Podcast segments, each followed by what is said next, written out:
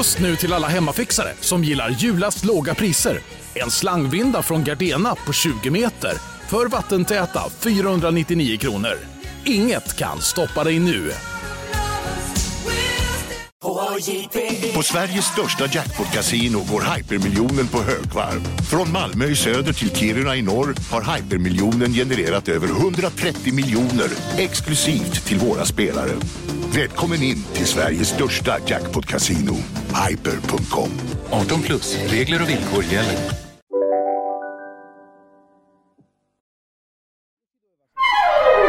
Du lyssnar på en podd från Perfect Day.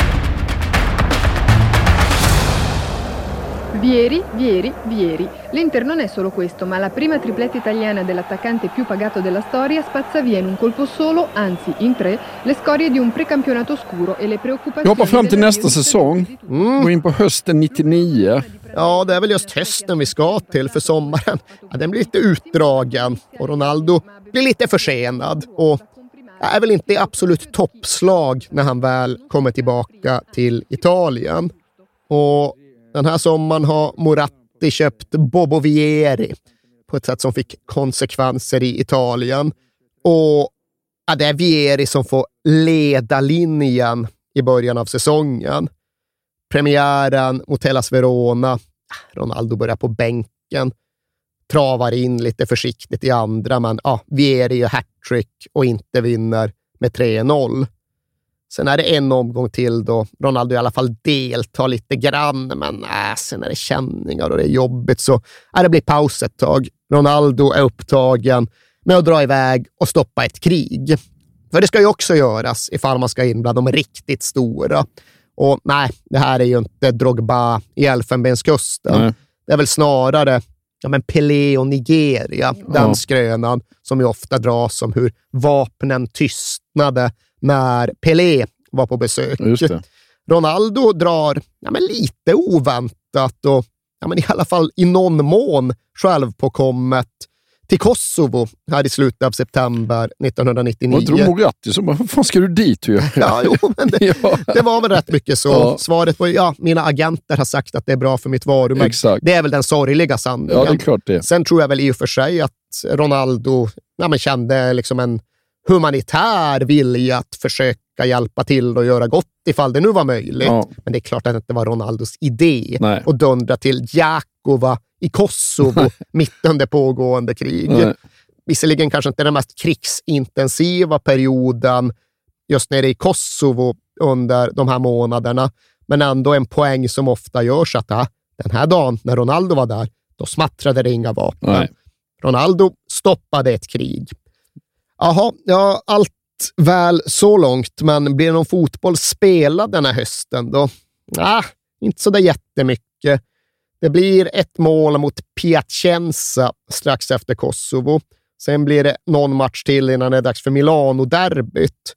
Och där gör Ronaldo mål på straff tidigt. Men sen går ju den dåren och blir utvisad eftersom att han kände sig provocerad av Roberto Ayala, argentinaren, som sagt något nedsättande om hans tänder. Så då rycker Ronaldo efter en halvtimme och inte får spela med tio man och till sist förlorar de ju efter två sena Milan-mål. Och så blir det avstängning och det är inget bra. Och sen tillbaks och då är det stor förlust mot Bologna. Vad fan ska det inte bli något av den här säsongen? Ja, men sen är det ändå Lecce hemma. Och visst, nu lossnar det. Vinner till sist med 6-0 och Ronaldo är väl inte briljant, men han gör i alla fall ett av målen på en straff som han själv fixat fram. Men strax därefter så ja, fastnar han ju till lite i gräset när han möter en boll och ska vända upp. Och det ser ju verkligen inte allvarligt ut. Det är bara, bara en sån där situation som man ser en gång i kvarten. Och det man förväntar sig är ju att han liksom bara ska gnugga sig lite på något knä eller någon vrist och sen ska han jogga igång och spela vidare. Men nej, han försöker lite grann, sen signalerar han för byte och knallar av. Men ja, ja, det är väl bäst att liksom spela säkert. Det är någon typ av försiktighetsåtgärd. Mentre pare che ci sia qualche problemino per Ronaldo. Uh, zoppica, una botta comunque, non mi sembra niente di particolarmente grave. È chiaro che ogni volta che si tratta di Ronaldo c'è grande preoccupazione nell'ambiente nerazzurro. Adesso sta procedendo a rendere freddo il, il piede, la caviglia di Ronaldo che dovrebbe comunque prendere il suo posto. Abbiamo visto dal replay che ci ha mandato la nostra regista Cettina Mammoliti che non proprio nel momento in cui stava controllando il pallone Ronaldo che... Men nej, efter bytet så är det såklart ändå dags att kolla till ifall det var något som hände och något som kanske till och med gick sönder. Och man tror det finns Inters omklädningsrum vid det här laget. Det är Filé Filén är där. Ja. Han är liksom inhyrd som någon typ av personlig tränare för Ronaldo slash lagläkare. Och han kan ju på plats och ställe konstatera att oj fan, här är ju då knäskålssenan halvt söndersliten. Kan inte du berätta igen hur den sitter fast med benet? Ska fan kolla om den där jävla senan... Nej, det, snälla. Det ja, men går den uppåt eller går den neråt? Det spelar ingen roll. Går den mot lårbenet eller mot sköbenet? Ja, jag tror det är mot lårbenet. Men... Ja, det är, det är nog fan mot lårbenet. Ja. Vad gör filén? Där filén konstaterar faktum och inser att fan i helvete, det här är mycket värre än vad vi trodde, för det här är ju en rejäl jävla skada. Ja. Den här senan har då till sist ja, men halvt dukat under av allt jävla slitage mellan knäskål och muskel och nu liksom finns det inget utrymme för uh, diskussion eller tvehågsenhet överhuvudtaget, utan det här måste opereras. Och det ska ske snabbt och sen är det lång konvalescens. Det är en svår skada, men ah, det finns väl ändå gott hopp om att Ronaldo i alla fall ska kunna spela igen den här säsongen. För detta är den 21 november. Det är ändå ett halvår kvar av säsongen. Ja. ja men fyra, fem månaders konvalescens. Ja, men, ja, lite mer speltid ska det väl bli. Och den prognosen tycks vara korrekt för knappt fem månader senare, då möter en strålande glad Ronaldo den italienska pressen och då meddelar han att det finns två glädjebesked att redogöra för. Till att börja med så har han fått sin första son just den här dagen. Och för det andra så har han då dessutom fått klartecken att återvända till matchspel på fotbollsplanen. Så livet är vackert konstaterar Ronaldo inför sina åhörare. Och det är den 6 april. Den 12 april är det dags att spela och det är ju då i en match som folk har sett fram emot av flera olika anledningar. Det är alltså den första av två italienska cupfinaler mellan Inter och Lazio. Och det är klart att det är ju stort, men det är fan nästan ännu större att fenomenet nu ska återvända.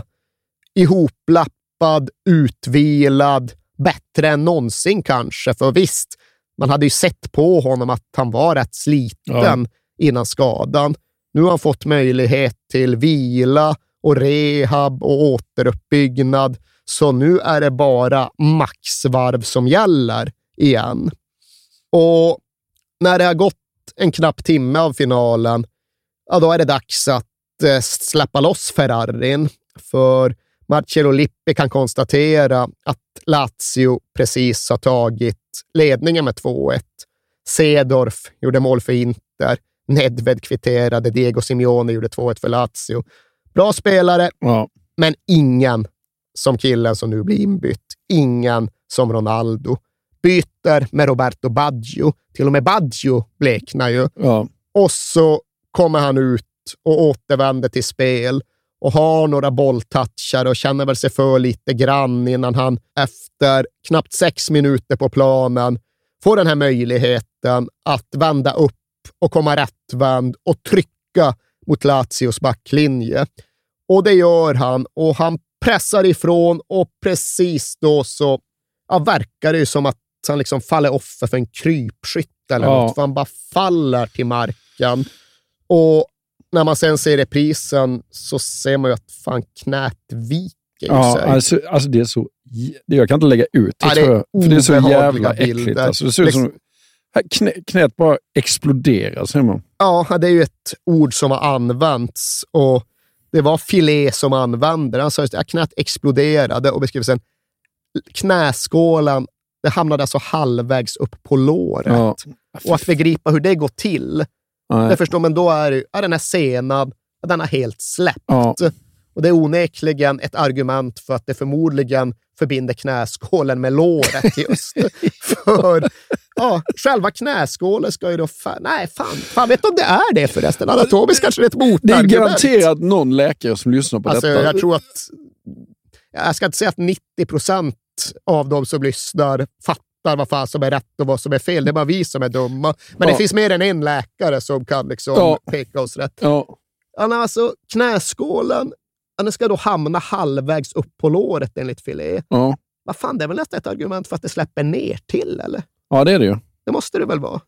Ja, det borde det nästan vara. ja, det här är ja. ett starkt diskussionssegment ja. och där ska vi inte Vi fortsätter fastna. efter programmet, Erik. Ja, det, är inte, en timme. det är inte läge att sitta och skrocka runt Nej, sin egen inte. okunnighet och ignorans, för precis som du säger, hemska bilder. Jag tycker att liksom själva sekvensen när knät viker sig, ja, det är ju en sak. Men det är ju Ronaldos jävla reaktion ja. som smärtar så fasansfullt mycket.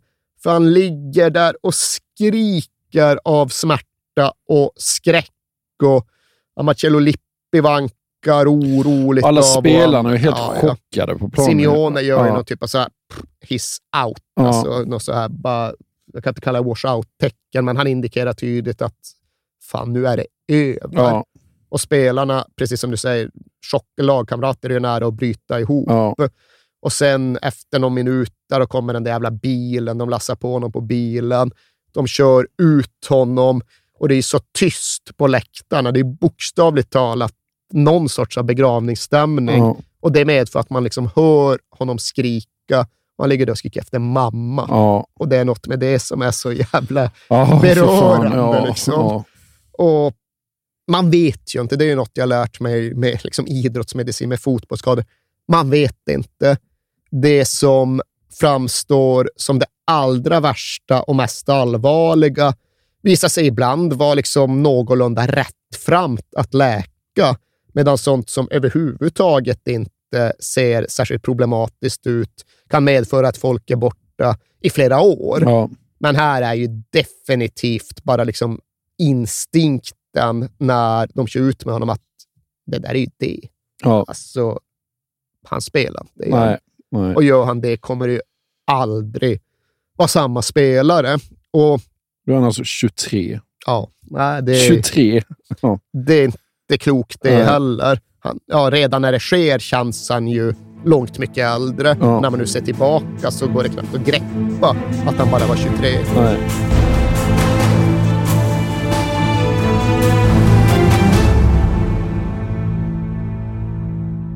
ja, men den här gången är väl farhågorna i grund och botten berättigade, för det är absolut inte säkert att det går att komma tillbaka till fotbollsplanen eller till liksom elitfotboll på världsnivå efter en så här allvarlig skada. Nej.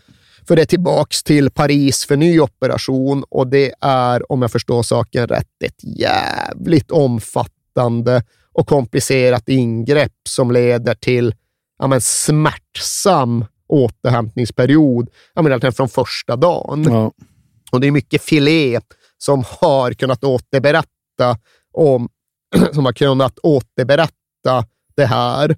Och han finns med hela tiden. Och till att börja med säga att när de väl har ja, pusslat ihop knät, hur fan de nu gör, då är det bokstavligt talat stort som en fotboll. Ja. Alltså det är så stort och så svullet att de behöver på något sätt fyra separata kärl bara för att dränera knät på blod. Ja, ah, fy fan vad äckligt. Oh.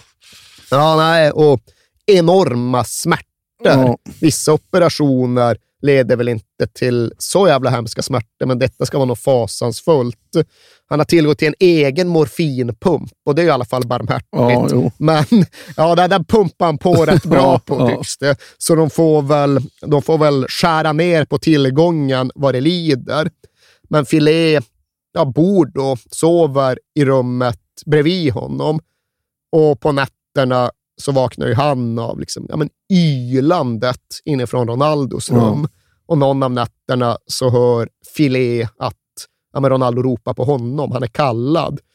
Och in då till den där sjukhussängen och han ligger där och storgråter och helt otröstlig. Liksom bara, säg att jag kommer spela igen. Snälla, snälla säg att jag kommer kunna spela igen. Mm. Ja, ja, fan, det är helt övertygad om det. Det här löser sig. Och inte fan vet jag om det är medicinskt korrekt enligt läkarsed, men bluff mer eller mindre. Ja, ja. Han var inte alls säker. Nej. Kände att det kan gå hur som helst. Om något är väl oddsen lite emot. Ja. Och det kanske man inte ska säga att killen absolut ska spela. Eller så ska man det för, ja, som det brukar heta, whatever gets you through the night. Ja, De där nätterna handlade nog väldigt mycket om att bara ta sig igenom. Och det ska ju ha varit på en nivå där det absolut inte var säkerställt att han ens skulle kunna gå igen. Nej. Många liksom olika läkare sa sitt utifrån, inte fan vet jag, runtskickade röntgenbilder eller vad det nu var. Han åkte väl runt och sökte konsultation på flera ställen också. Det tycks ha varit allt från att äh, det blir fan rullstol till ja, men kryckor, till gå med hälta, till jogga ska du nog kunna göra, till ja, men kanske, kanske, kanske ändå. Ja. Men det där med att återvända till fotbollsplanen, det tycks ha varit en ganska extrem prognos. Det är liksom ja. längst ut på spektrat. Förmodligen hamnar du någonstans i mittfåran, liksom gå haltande, kanske behöva stötta sig med kryckor. Tufft fysiskt, tufft mentalt att behöva ge sig in i den återhämtningsprocessen och rehabperioden. Oh. Och tydligen också så jävla tröstlöst. För när han väl kunde börja med ja, någon form av sjukgymnastik så var det frågan om att köra ofta sex, ibland nio, tio timmar om dagen mot överjävlig smärta. Och det är ju en sak. Men sen även att köra vidare trots obefintliga resultat. Mm. Obefintlig förbättring.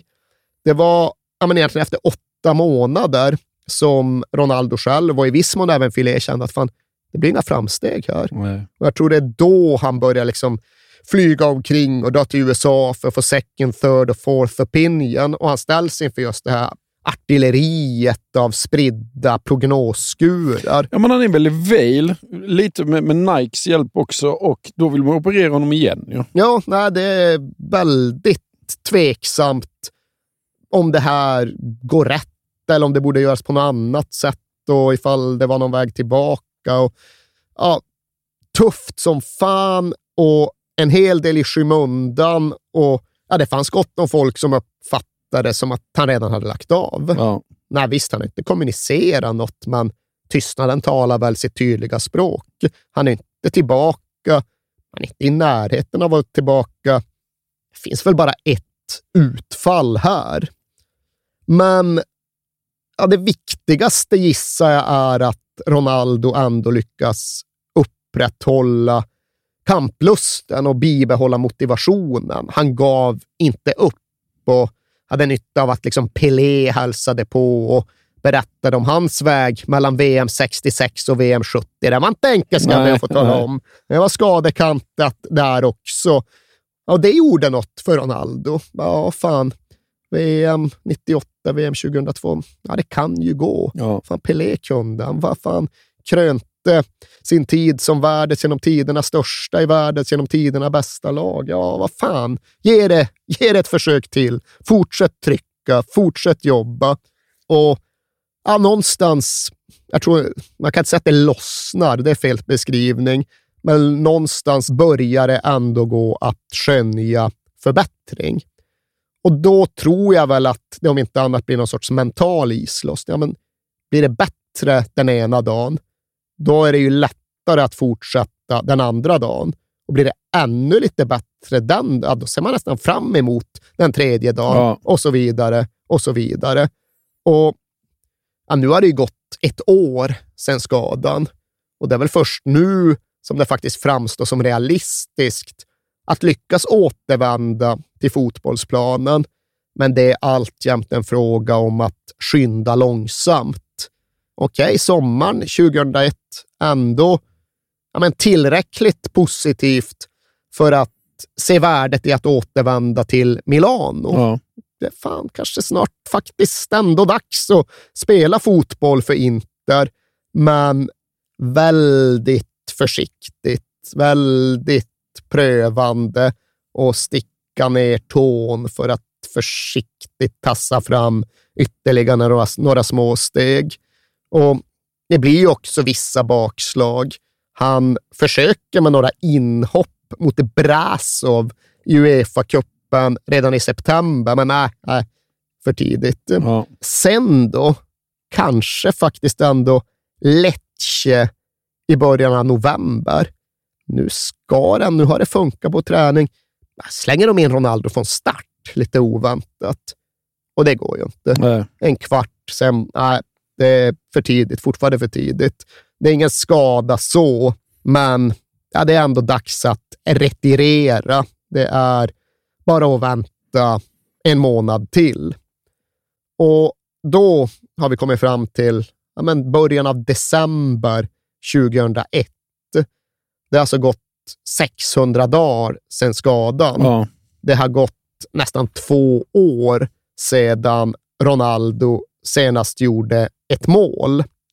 Men nu startar han mot Brescia borta och nu håller knät, nu håller kroppen.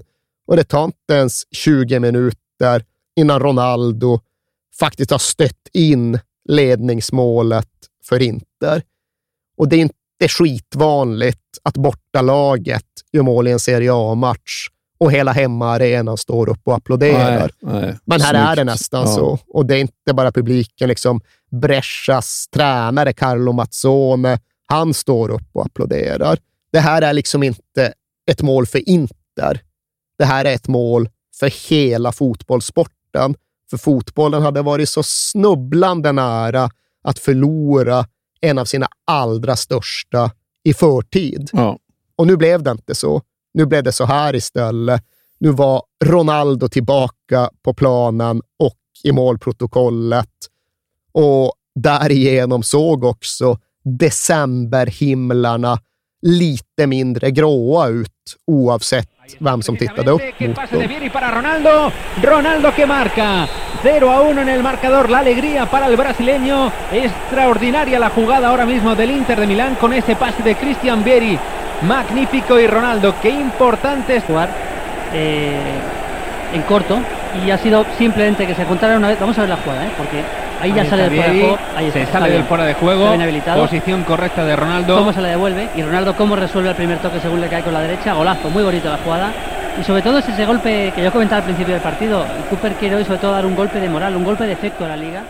Problemet nu var väl att han har en tränare som var stingslig mot honom. Va? Hector Couper, Ja. argentinaren. Ja, nej, de hittade aldrig någon riktig kemi. De klarade inte av att kommunicera på samma våglängd och det blev inte riktigt den där samsynen kring hur de kunde vara bra för varandra. Och det var ett av problemen. Sen var följdskadorna ett annat och kanske mer omedelbart problem. Skyller han inte det lite på Couper också? Och upplägget. Hård träning. Och- ja, och för den delen den här eviga dragkampen mellan olika läkare och filé här och Ja. andra där. Men absolut, Ronaldo tyckte inte att Couper hade förståelsen och förmågan att hantera honom och hela situationen korrekt. Men i slutet av januari 2002 så är Inter iväg på någon form av miniläger på Mallorca. Och jag vet faktiskt inte om det är en ny skada eller om det är en följdskada, men det är något med hamstringssenan. Vill du klargöra vilken sena det handlar du är så bra på det. alltså. Ja, det är väl i alla fall baksida lår, hoppas jag. Eh, Men konsekvensen blir egentligen ytterligare tre månader på skadelistan. Och den här gången är det liksom ingen frukta för karriären, men, men det är klart att det är mentalt jävligt jobbigt för att tajmingen är så olycklig. Dels för att han precis har kommit tillbaka, dels för att drömmen om VM sommaren 2002 någonstans inte går att skaka av sig. Den må vara långt borta, men någonstans där borta vid horisonten ligger den ju fortfarande. Och den vetskapen både plågar och driver Ronaldo genom ytterligare en rehabvår. Och ja, men till sist är Ronaldo tillbaka i början av april. I alla fall tycker han själv det, men ja, även här uppstår det någon typ av slitning med Couper och han får inte spela mot Atalanta trots att han tycker att den är klar och det blir förlust i den matchen och inte är på väg att tappa den serieledning de faktiskt har spelat till sig. Men ja, sen jävlar är det ändå dags att släppa loss Ronaldo. Att släppa honom fri när ja, men Serie A faktiskt ska avgöras. Det är bara fyra matcher kvar och Inter har ledningen, även om den är knapp. Och i ett sånt läge är det ju inte kanon att de ligger under i paus hemma mot Brescia efter att Pep Guardiola slagit in en straff. Och i det läget är det följaktligen ganska välkommet att den nycomebackande Ronaldo vänder på hela den jävla steken genom ja, men, två sena pangmål som gör att Inter vinner och håller kvar serieledningen. Matchen efter är det Kievo borta och Ronaldo är 1 plus 1. Men går inte de där jävla flygande åsnorna från Verona och kvitterar i 91? Jo, det gör de. Men fortfarande lite serieledning kvar och en Ronaldo som fortsätter göra mål i varje match då han tryggar vinsten mot Piacenza i näst sista omgången. Och nu är det alltså bara en spelvända kvar och Inter leder, Inter toppar tabellen. Inter har nu läge att bryta en scudetto-torka som hunnit bli historiskt lång under Ronaldos år i klubben och inte där en poängs försprång mot Juventus och två poäng ner till Roma inför sista matchen mot Lazio borta på Olympico den 5 maj 2002. Och den här matchen ramades på något sätt in av ja, men det som uppfattades som Lazios ovilja att vinna. Ja, för... det fanns en risk att Roma skulle vinna titeln ja. igen ifall de tog poäng mot Inter. Det ville de inte. Nej. I alla fall inte folk i kurva Nord. Och Inter tar plan enligt ledningen då Vieri stöter in en boll. Sen får Tjecken, den ganska ouppskattade Tjecken Karel Poborski, för sig att kvittera.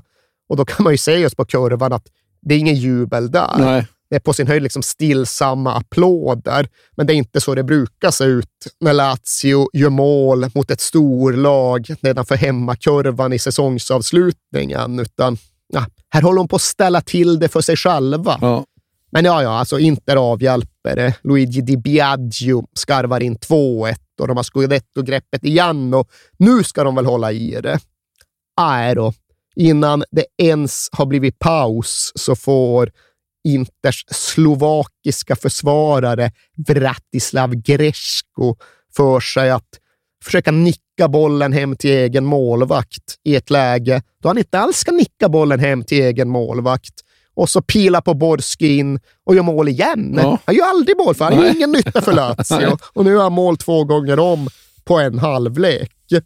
Och någonstans här är det som att tron och kraften rinner ur ett Inter som tydligen hunnit fastna i någon typ av förlorartröja.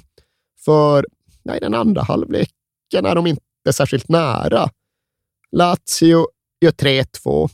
Lazio gör även 4-2 och Inter de kan liksom inte skylla på någon domare och någon Juventus-konspiration den här gången, utan de stiger åt sidan och de viker ner sig och Couper är konstig. Han liksom byter ut Ronaldo när det fortfarande står 3-2 och ja, liksom måljakten borde vara som mest intensiv. Mm. Men istället sipprar det bara ut i svart och dystert nederlag och en utbytt Ronaldo sitter och gråter på bänken i det som har blivit klassiska bilder. Och efteråt så summerar han läget, livet, med att säga att ja, det verkar som att besvikelsen är min följeslagare i livet.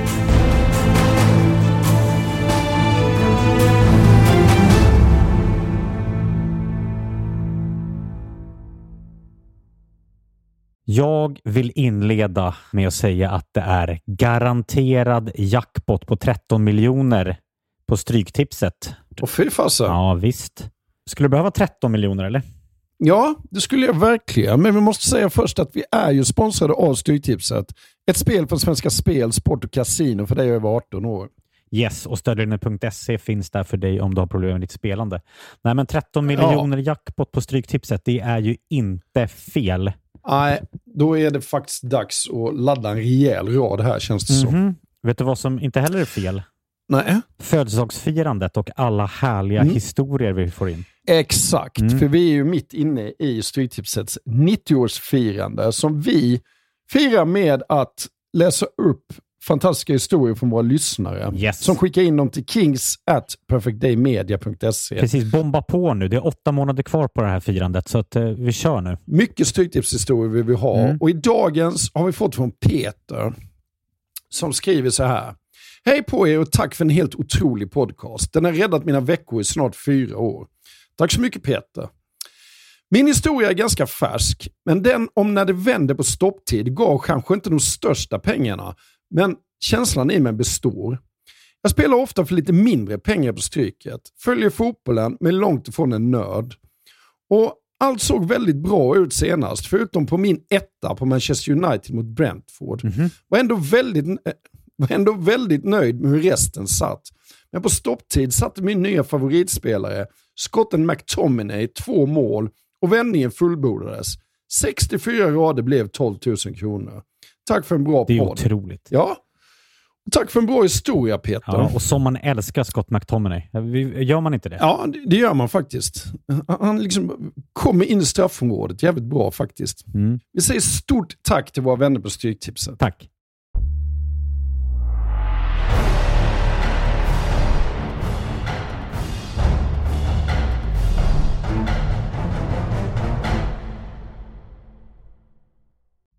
Men det finns ju mer än ligan det håret. Det finns mer än ligan i livet. Och jo, så är det ju. Det finns faktiskt saker som är större än ligan. Och det är inte för att Ronaldo tog lätt på Serie A och Inter.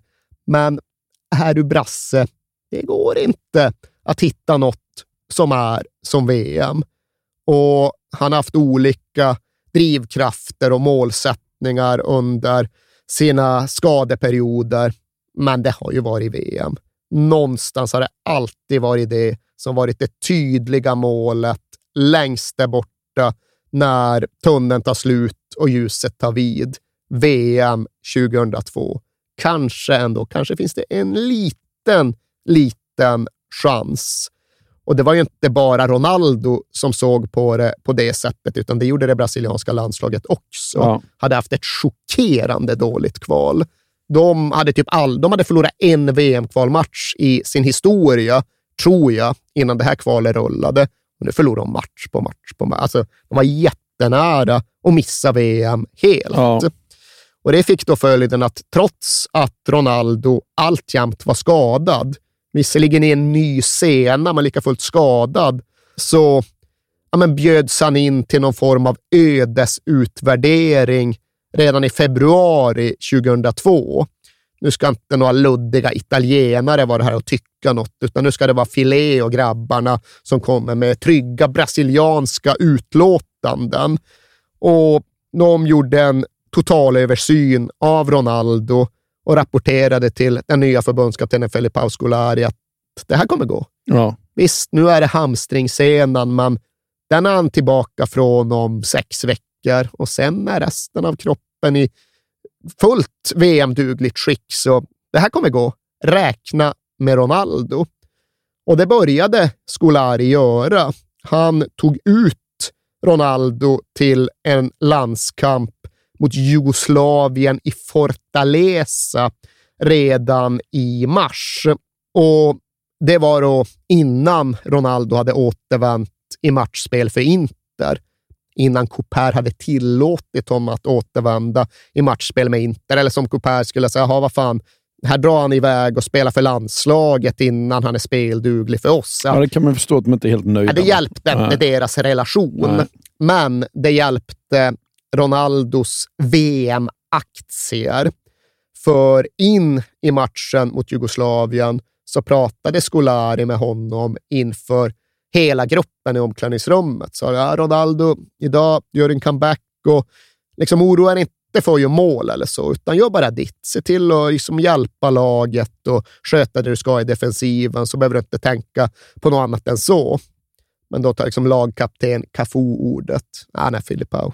Tvärtom. Du kan vara lugn i att alla här inne är beredda att göra lite mer och anstränga oss lite hårdare för Ronaldo i det defensiva så att han ska kunna stanna kvar uppe på topp och göra sina mål. För vi vet att han kommer kompensera oss genom att göra just de där målen som gör oss till världsmästare. Ja. Så det blev liksom uttalat från laget självt att men låt karln fuska. Liksom. Ja. Vi, vi kompenserar, han gör målen och det är så vi lägger upp det. Vi ja. börjar i den änden, inte tvärtom.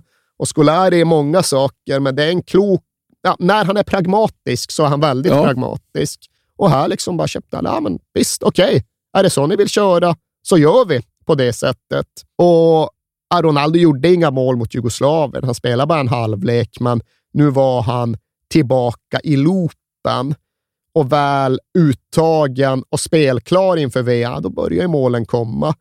Näst sista genrepsmatchen, ja, då är det 1 plus 1 mot Malaysia. Sista genrepet, två mål mot Sydkorea. Och framme vid regnbågen, visserligen bara vid regnbågens början, men ändå vid den VM-turnering ja, som hade räddat karriären för Ronaldo. Hade det inte varit för den, då hade han givit upp. Ja. Nu hade han kämpat på och härdat ut bara för att just nå regnbågens början. Nu, ja, nu var det dags att börja klättra för att kanske, kanske till och med även komma till det slut. Och han gör en rätt fin klättring här du. Ja, det får man fan säga. Och ja, det är ju fan bokstavligt talat steg för steg och hela tiden framåt och vidare uppåt. Premiären mot Turkiet, ja, då är det ett mål och 2-1 seger.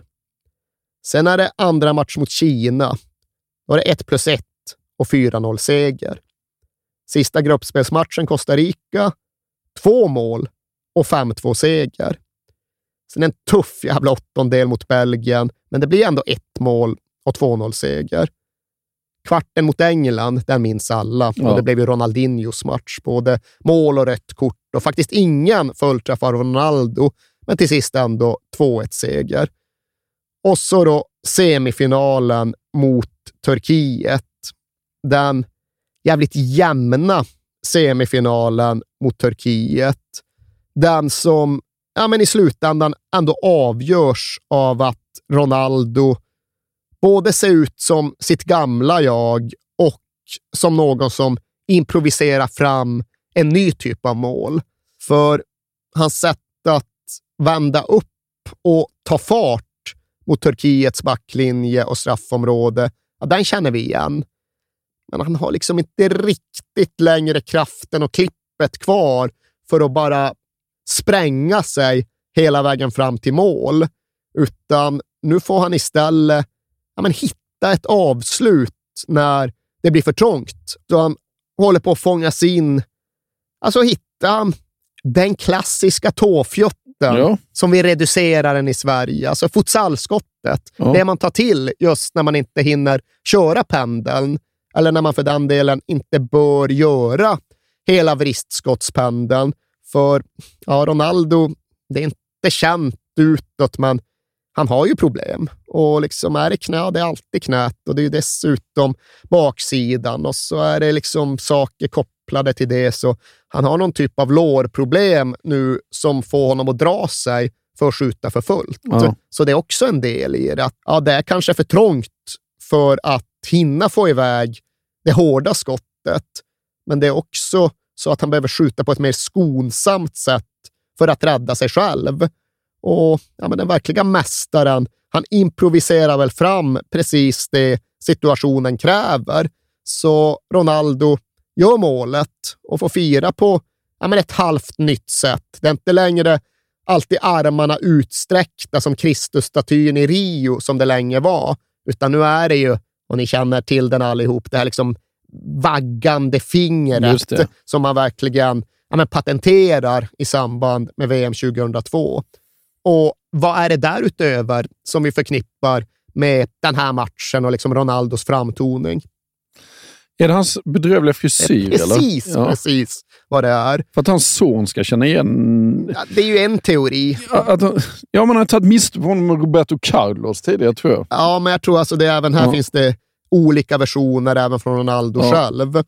Och Han har ju också en variant som går ut på att just för att han drogs med skadeproblem som han ville tysta ner, så gjorde han det här med avsikt för att pressen skulle få något annat att skriva om. Ja. Ska vara en avledande manöver för att mörka sin skada. Det var det verkligen. Jag tror inte att någon av de varianterna är sanna, utan när man just går igenom alla hans olika utsagor så verkar det bara vara att jag menar, skulle klippa sig inför semifinalen, skulle raka huvudet precis som han brukade göra, liksom, ofta flera gånger i månaden. Nu hade det gått lite längre än vanligt sen senast, så nu var det verkligen dags. Och han satte sig i frisörstolen. Det är klart att det brasilianska landslaget har en egen frisör och de kör igång och som ett skämt så stannar bara frisören med den där lilla triangeln kvarlämnad.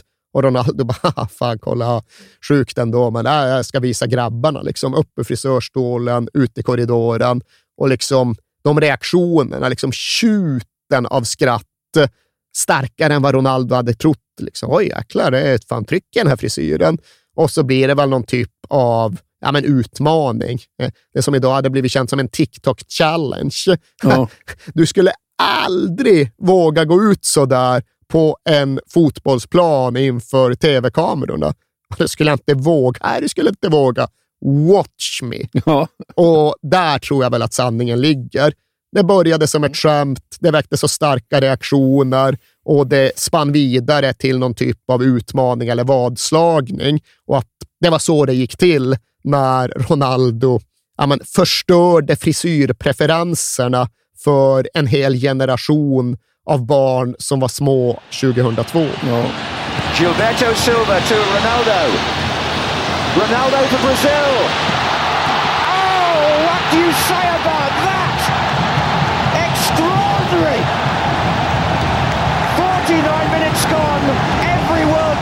A hero, and Ronaldo is one here. His sixth goal at the tournament. And even Rushdu could do nothing about that. Och i finalen väntar Tyskland och det är första gången i VM-historien Brasilien möter Tyskland, hur Ja. otroligt nog den är. Ja, det är lite svårtuggat. Sen skulle de ju komma att stöta på varandra fler gånger. Ja. Men ytterligare en VM-final och ja, men då möjlighet till, jag vet inte om det är upprättelse eller revansch eller förlösning eller vad det egentligen är Ronaldo har för möjlighet. Men klart det är ju i alla fall att ja, men det är en annan Ronaldo 2002 än det var fyra år tidigare. Det har hänt en del sen sist. Han har behövt gå igenom rätt mycket och det har ju också fått konsekvensen att det är en ny och annan Ronaldo som nu står inför sin andra, eller ja, till och med tredje VM-final. Han är ju ja, men mycket mer av en straffområdesspelare, mycket mer av en poacher på ja, men andra sidan knäskadorna än han var dessförinnan. Det är ju inte längre Santiago de Compostela Ronaldo Nej. som bara tar bollen på mittplan och springer och bumpar som en jävla radiobil med målsökande sikte, utan nu är det ju mycket mer ja, men den här Ronaldo som utnyttjar friheten som Cafu och lagkamraterna har givit honom, som liksom hovrar omkring runt straffområdet och sniffar sig till målchanser. Och runt ofta uppstår eh, någon, jag ska inte kalla konflikt, men ett litet meningsutbyte på den sista träningen som har blivit eh, signifikativt i efterhand. För det är någon avslutsövning, eller det är rättare sagt det är någon anfallsövning där ja, några anfallare går mot ett uppställt försvar, ska försöka komma till avslut och så som Scolari har byggt upp det så är bollen död när det har avslutats. Det är liksom inte en massa returer och spel på nästa situation, utan det är ett avslut, sen nästa gäng, nästa övning. Men Ronaldo, han ville ju inte köpa det, utan han tycker att den här anfallsövningen måste ju spelas klart, spelas ut. Blir det retur måste jag kunna gå på returen, för det avgör ju helt hur jag positionerar mig och hur jag förhåller mig till anfallet. Ifall det bara är ett avslut, ja men då är jag den typen av löpning. Ifall jag kan höka på returer, ja men då håller jag mig vid bakre stolpen och liksom ser till att backarna är där. Och, ja, men då står och diskuterar det ett tag. Mm.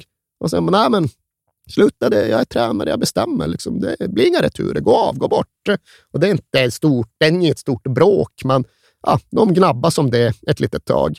Och sen var den dagen slut och så var det faktiskt matchdag och det var frukost och det var lunch och sen kunde inte Ronaldo själv stänga ute ekorna från 98 längre. Lunchen intagen, dags att gå till rummen och vila. Fast inte han va? Han vågade inte. Nej, det förstår jag. Ja, det gör man ju ja, någonstans. Det är ja. inte vidskeplighet, det är väl bara mänskligt. Ja. Nej, jag lägger mig inte för att ta en tupplur och vaknar upp med 23 skrikande lagkamrater runt mig och malande käkar. Nej, inte den här gången. Så han försöker hålla sig vaken och tycker att tiden går ganska sakta, så han vill ha någon att vara vaken med. Men alla andra jävlar ligger ju och sover tills han då till sist hittar en öppen dörr och reservmålvakten Dida. Jag ska inte säga att det var Didas största bidrag till VM 2002, men det var nog Didas största bidrag ja. till VM 2002. Ja, och det var inte liksom, litet. Nej, liksom tala, tala Ronaldo lugn och hålla Ronaldo sällskap under ja, men en egendomligt inverterad typ av vargtimme. Och med den avklarad, då var tydligen Ronaldos egen nervpers, hans liksom pur personliga purgatorium också färdigt. Nu fanns det inte kvar några spöken från 98 längre, utan äh, nu var det dags för match. Och ska man tro honom själv, ja, men var rätt avspänd och ja, men, på en bra plats fram mot avsparksvisslan. Och om det inte redan var så, så förstärktes det definitivt när Scolari ja, men nu gjorde något som Ronaldo förstod sig på och uppskattade. För det sista som händer innan de går ut för att spela matchen, det är att Scolari visar ett tv-inslag som den brasilianska kanalen Globo har gjort. Och de har då varit runt i Brasilien och besökt olika kvarter och grannskap som har levt upp med mästerskapet. De har ju sin tradition att ja, men pynta, dekorera och måla sina kvarter gulgröna när det är dags för VM. Och de var lite här och de var lite där, men de avslutade rimligt nog i Bento Ribeiro, alltså Ronaldos gamla uppväxtkvarter.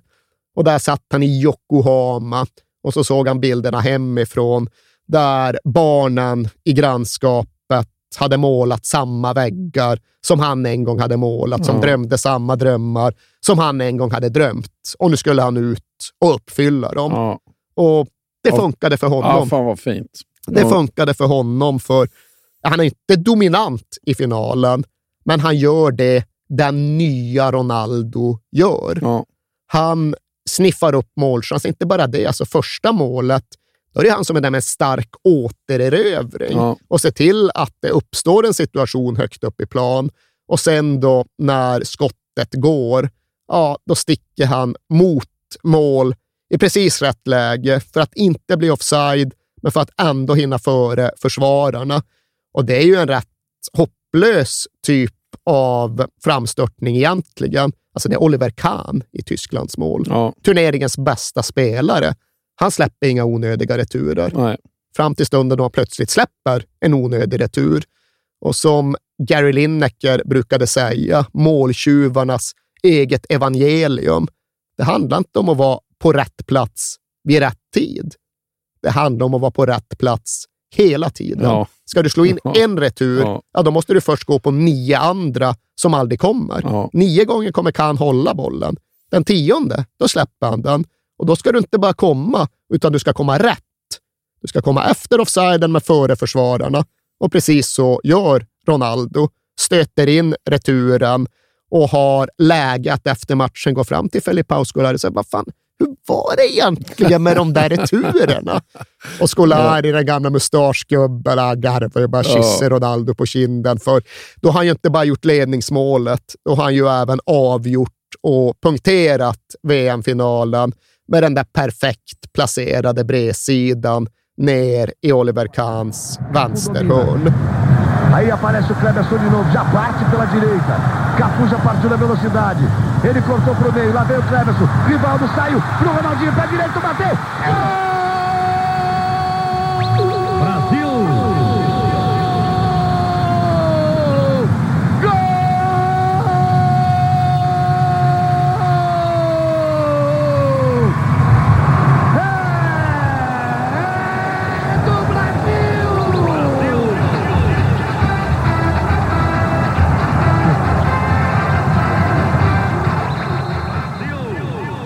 Och det var ju inte så att Ronaldo och Scolari gick runt och surade gentemot varandra, utan när målen är gjorda och när matchen är vunnen, då ser ju Scolari till att byta ut Ronaldo i 90 Och det här är liksom ingen Hector coupert-grej, utan det här är ju för att han vill ge Ronaldo inte bara ovationen och strålkastarljuset, utan framför allt tillfället att faktiskt supa in ögonblicket.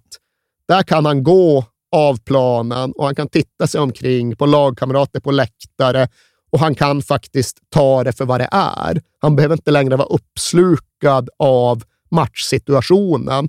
Han kan avslappnad ta en halv minut då han går av planen och vet om att han har vunnit VM och att han har avgjort VM-finalen och att allt det ja, men han inte ens vågade drömma om och hoppas på när knät hade exploderat på något jävla sätt ändå hade besannats. Ja. Och en viktig bifigur i hans personliga historia, det är en herre som heter Rodrigo Paiva. Och den jäveln har jag haft mycket med att göra. Det är presschefen för det, Bras- Ja. eller det var presschefen för det brasilianska landslaget. Jobbig, sliskig figur.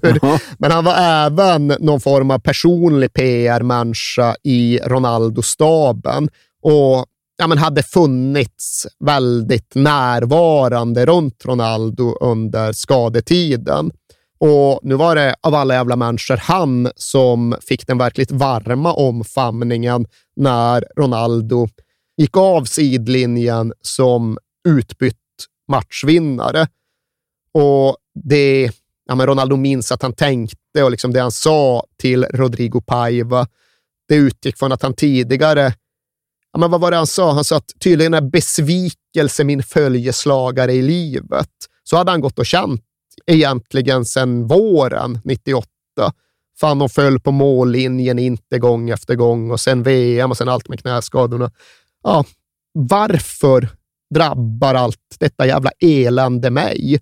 Jag är väl en ganska hyvens kille ändå, Ja. liksom. men trots detta. Och den liksom, tanken var inte flyktig, utan den hade han verkligen burit runt på i flera års tid och inte kunnat skaka av sig. Men nu, nu hade han känt och nu hade han sagt till denna Rodrigo Paiva att nej, Gud har faktiskt varit god mot mig ändå, inte sant? Åh, Ronaldo, Gud har varit god mot dig. får man nog säga ändå. Och det var inte bara heller det att han vann VM, att han avgjorde finalen, utan det blev ju Ronaldos VM-turnering detta. Han gjorde ju totalt då alltså åtta mål och där och då var det det mesta som någon hade gjort på 32 år. Idag är det det mesta någon har gjort på 52 år och det finns ju inget som tyder på att någon ska tangera eller besegra det den här vintern. Nej. Sen ska de ju förvisso liksom utöka antalet lag och matcher framöver, så vi får väl se. Men ja, kom tillbaka någon när ni också har gjort åtta mål i en VM-turnering. Det är nu några generationer som har försökt och det är bara Ronaldo som har lyckats. Ja.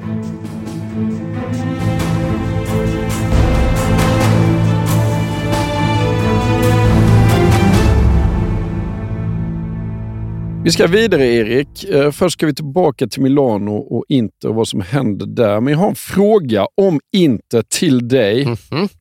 Och Det är så här nämligen att Inter, känner du till att de har en Hall of Fame Inter? Nej, det kan jag inte påstå specifikt, men det har väl många klubbar. Ja. Genom historien så är det 16 personer, som, eller 16 spelare som har valts in i Inter Hall of Fame. En av dem är Ronaldo. Det innebär att det är 15 spelare kvar. 15 spelare? 15 spelare i Inters historia eh, som är kvar. Och jag tycker att det är rimligt att du tar 12 av dem. det är qu- interquiz alltså. Men det här, är all, alltså det här är nu, det är inte när Ronaldo var där, eller? Detta är genom alla tider, men det, det, är, det, det är en, eh, helt klart en, eh, alltså, en stor, stor tyngdpunkt på, på senare tid. Liksom. Så du behöver inte gå till 1920-talet. Nej, men liksom. alltså, jag tänkte att det, du har inte fryst det vid ögonblicket då Ronaldo lämnar klubben, utan det är en massa killar som det har... kan vara fler efter det. Ja. Okej, ja. Men alltså, oh, herrejävlar. Mm. Vet du hur jag känner. Ja, men historiskt då. Giuseppe Meazza lär ju vara med. Ja, absolut. Han är Ja. med. Ja. Och Jacinto Facchetti är 100 procent med. Han är med. ja. Eh, Bergomi måste väl vara med. Giuseppe Bergomi. Bergomi är med. Lotta Mattea, Ronaldo med, Matteus med. Matteus är med. Senga, Är kan med. han vara med? Han är med. Sen är det ett namn, det har till och med jag tagit. Mm, från det laget? Nej, men eh, ett namn. Mm, Ja, men vadå ett namn? Det är inte från liksom, tid, tysklaget. Eh, Nej, det där förstod jag inte, men okej då. Eh, eh, Sen är det ju... är Mr. Inte? Jaha, men alltså vad är du framme vid Zanetti nu, Ja. eller? Ja, men du kan inte bara... Jag är inne och funderar om Ja. det finns fler i Sengas Jaha. lag. Ja, okej, och du säger att det finns det som bara hade jag Ja, också nej, tagit. nej, nej, nej. Nej, försöker det var det, men. Du har sex rätt. Jag antar att Diego Milito är med. Ja. Gör man två mål i en Champions. League-final så är man väl med. Han är med. Och ur det laget, ja, Sneijder är med gissar jag. Han är med. Jävligt bra. Ja. Kan Materazzi vara med? Materazzi är absolut med. Han är absolut Ja, okej, det ja. hann jag inte. Men nu sen börjar jag fan gå rätt tomt. Du är Annars- på nio. Och hur många skulle jag behöva? Ja, du, du? behöver, eh, du behöver nog åtminstone tolv. Så du, Tolv? Ja.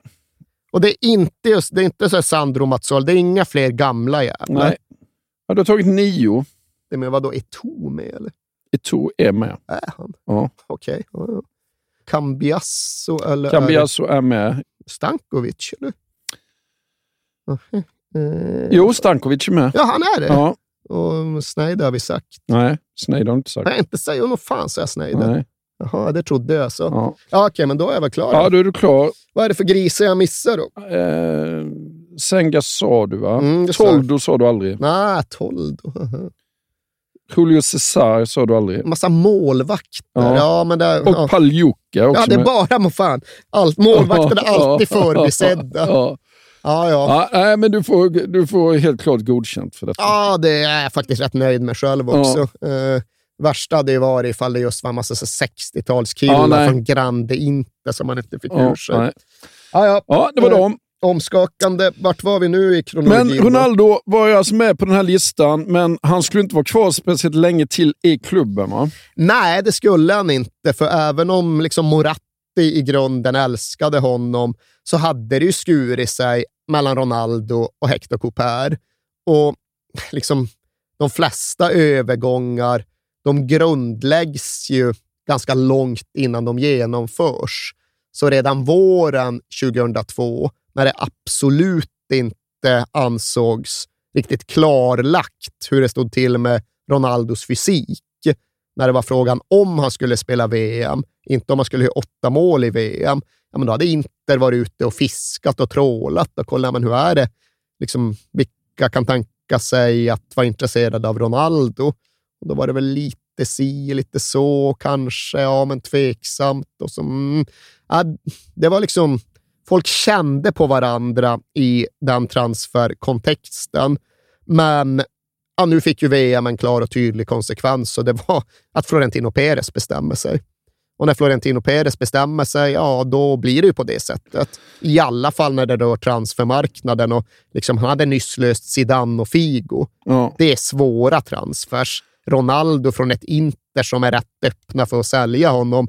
Enkel transfer. Men Moratti, vad fan? Han har gjort åtta mål i VM precis. Jo, men det var väl ändå just att han kunde inte bara underminera sin tränare. Och han såg väl också att eh, rationellt, nu var han inte den mest rationella klubbledaren, men rationellt så var det väl fortfarande rimligt. Ja.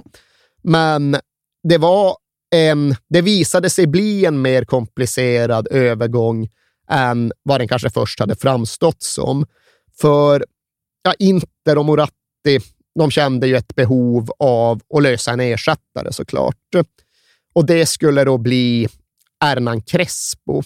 Men för att det sen skulle öppna upp sig plats i Real Madrids trupp så ville de lossa Fernando Morientes. Och här blev det komplicerat i dubbel bemärkelse, för Morientes skulle gå till Barcelona. Det var det som var överenskommet och det var ju lite överraskande med tanke på att Real Madrid och Barcelona inte gör affärer så ofta. Ja. Men ja, det var ändå så det var sagt. Och numera var ju Joan Gaspar president i Barcelona. Ni minns servitören från Miami. Och han hade ju då lidit förluster på transfermarknaden. Han hade ju fått tillträda som Barcelona-president precis när Perez snodde Luis Figo. Så ja, han hade väl en typ av försåtlig revanschlusta. Ja. Och här är det ja, men i grund och botten Madrid-sidan vi redogör för. Känner ni att det här behöver dubbelkollas med korsuppgifter så kan ni väl söka upp Gaspars version. Men så som Madridfolket och Florentino Perez berättade så förhalade och fördröjde Gaspar trots ingången överenskommelse och det började lägga sig ett moln av misstänksamhet när transferklockan började ticka ut. Och till sist då kom det en bekräftelse på dubbelspelet när Gaspar faxade 22 på deadline day att äh, vi struntar i Morientes förresten. Där har ni era jävlar. Ja, det var väl tanken då. Ja. Och sen är det i och för sig så att så jävla avancerat. För det beskrivs just från Madrid-sidan som att och i det här läget, ja, då visar Florentino Perez vilken jävla mästare Ja. han egentligen är. Ja, ju mer överhettad situationen är, desto kallare blir han. Men jag vet väl inte, för det är Jorge Valdano som är ett av vittnena till detta och han, hans integritet tror jag mycket om. Han säger ja, när, när det blev så här, liksom Moratti var ju på direktlina, men nu såg han framför sig hur allt skulle rasa. Och, ja, men han bad om att få fem minuter då han la ner telefonen bara för att hämta sig. Men Florentino, ja, han verkade ju bara njuta av det här. Ja.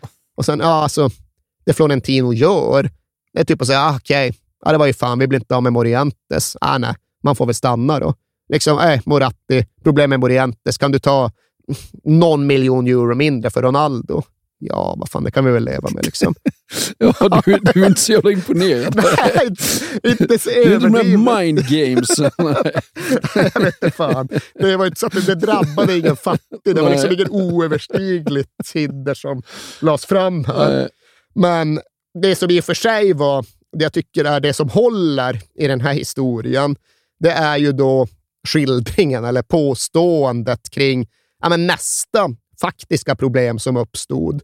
För okej, nu är ändå Real Madrid och Inter överens. De kan bara skära bort Barcelona. Det är väl inga problem. Då, ja, men kanon, då ska vi bara liksom signera kontrakten och sen är allt klart. Men det går inte att få tag på Ronaldo. Och jag vet inte fan hur det är med mobiltelefonerna, men det som beskrivs som problemet, det är då att Ronaldos 12-åriga kusin har satt sig för att surfa hemma hos Ronaldo. Och Det innebär att det bara tutar upptaget, för det är gammalt modem. Ja. Och Ronaldo fattar inte det här, för han märker inte att någon pratar i telefon. Så han tror att linjen är öppen, Ja. men ingen jävel ringer. Nej, men det är för att modemet håller linan blockerad. Ja. Och det ska vara en jävla stresssituation. Och exakt hur det löste sig, det har inte riktigt klargjorts. Ifall mästaren Florentino hittade en bakväg genom Televerket, men gissningsvis kopplar väl bara kusinen ner strax innan det är för sent. Och så löser de det. Och så kommer Ronaldo till Real Madrid. Och det är en världsmästare som anländer, men ja, en sommarsemester senare är han väl inte 100% topptrimmad, Ronaldo. Och ja, därför blir det ju en lite försenad Real Madrid-premiär för honom. Han står över, ja, vad blir det, de första sju matcherna någonting i olika tävlingar och turneringar innan han tycker det är dags att börja gnissla igång. Och det gör han med att börja på bänken i en seriematch mot Alaves. Och det första han lyckas med är att slå huvudet i avbytarbåsets kant när han ska sätta sig. Så man undrar ju lite grann vad det är för fars som håller på att utspela sig här. Ja, med en dryg timme passerad och Real Madrid i 2-1-ledning, ja, då är det ändå dags för honom att beträda Bernabeu i helvitt. Och han byts in och det går prick 61 sekunder och sen har han gjort mål för Real Madrid. Ja. Och det är ju inte riktigt den Ronaldo som La Liga minns från säsongen i Barcelona. Det är en lite mindre fysisk och lite mer orörlig Ronaldo som nu har återvänt. Men det är fortfarande en jävligt, jävligt bra Ronaldo som innebär en typ av målgaranti. För han får ihop 29 starter i ligan det här första året i Real Madrid. Och han gör ändå 23 mål på dem. Han är näst, överlägset flest. Ja, nästan uppe i 1,0 ja. nu också. Och han gör mål i ja, men, VM-finalen för klubblag, inte kontinentfinalen mot jag tror det är Olympia från Paraguay och ser till att Madrid vinner och kan kalla sig världsmästare. Han bidrar ju starkt till att Real Madrid faktiskt vinner ligan.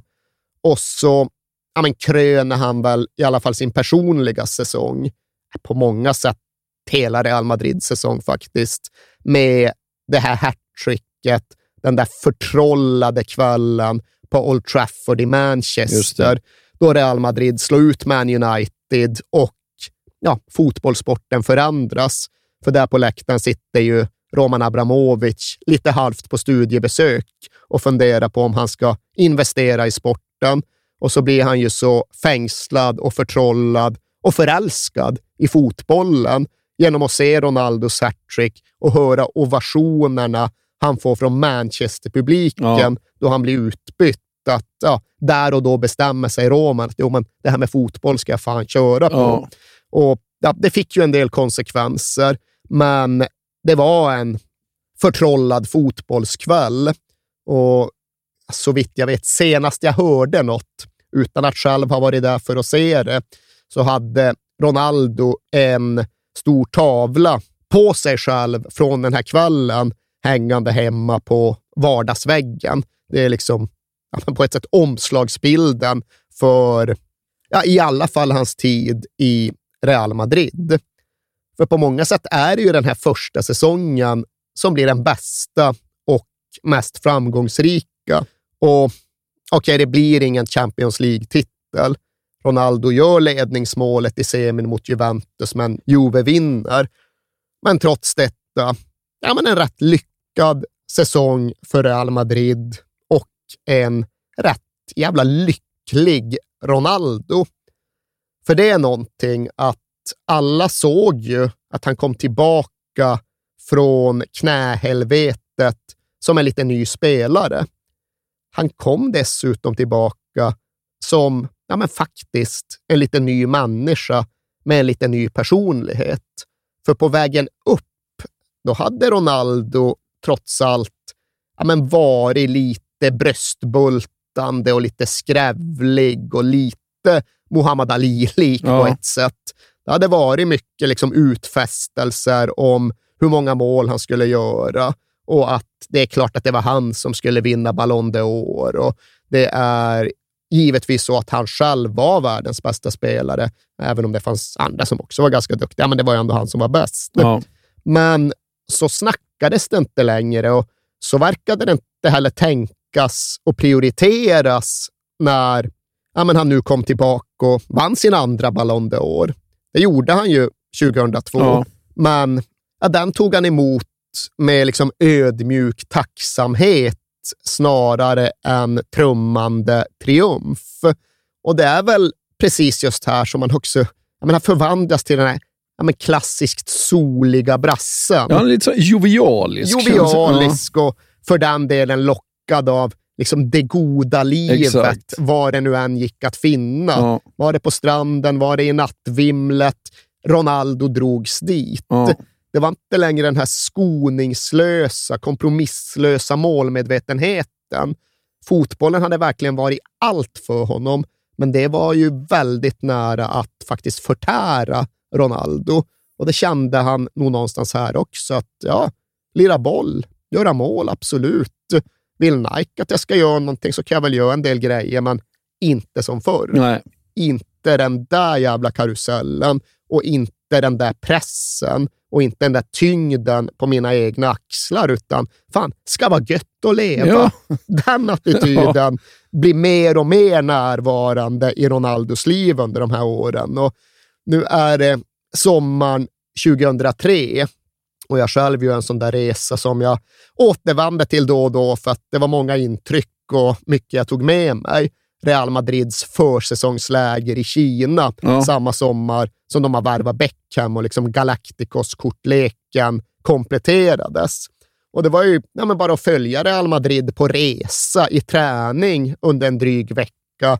Det var ögonöppnande. Det var ögonöppnande att se hur jävla populära de var, hur otroligt bra Zinedine Zidane var Ja. Och hur fullständigt förslappad Ronaldo hade blivit Ja. med avsikt. Just det att, okej, träning nu, lite fys här på försäsongen. Vi börjar bara med att liksom löpa med pulsklocka här några varv och liksom, ja, men kollar hur det står till med alla.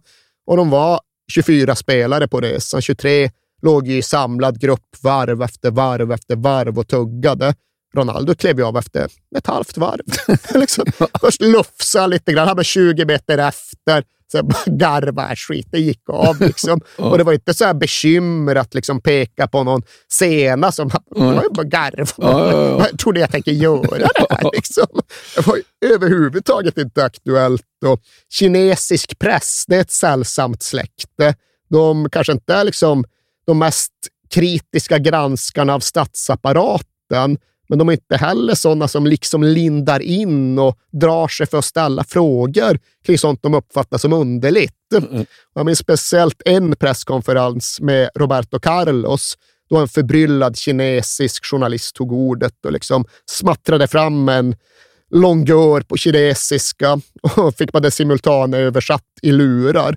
Och så här, ja, men herr Roberto, herr Carlos, alltså du och Ronaldo, vi har kollat, ni har båda haft 31 dagars semester och legat på stränderna i Brasilien med vackra damer och ätit barbecue-mat. Men hur kommer det sig att Ronaldo är så fet och inte du?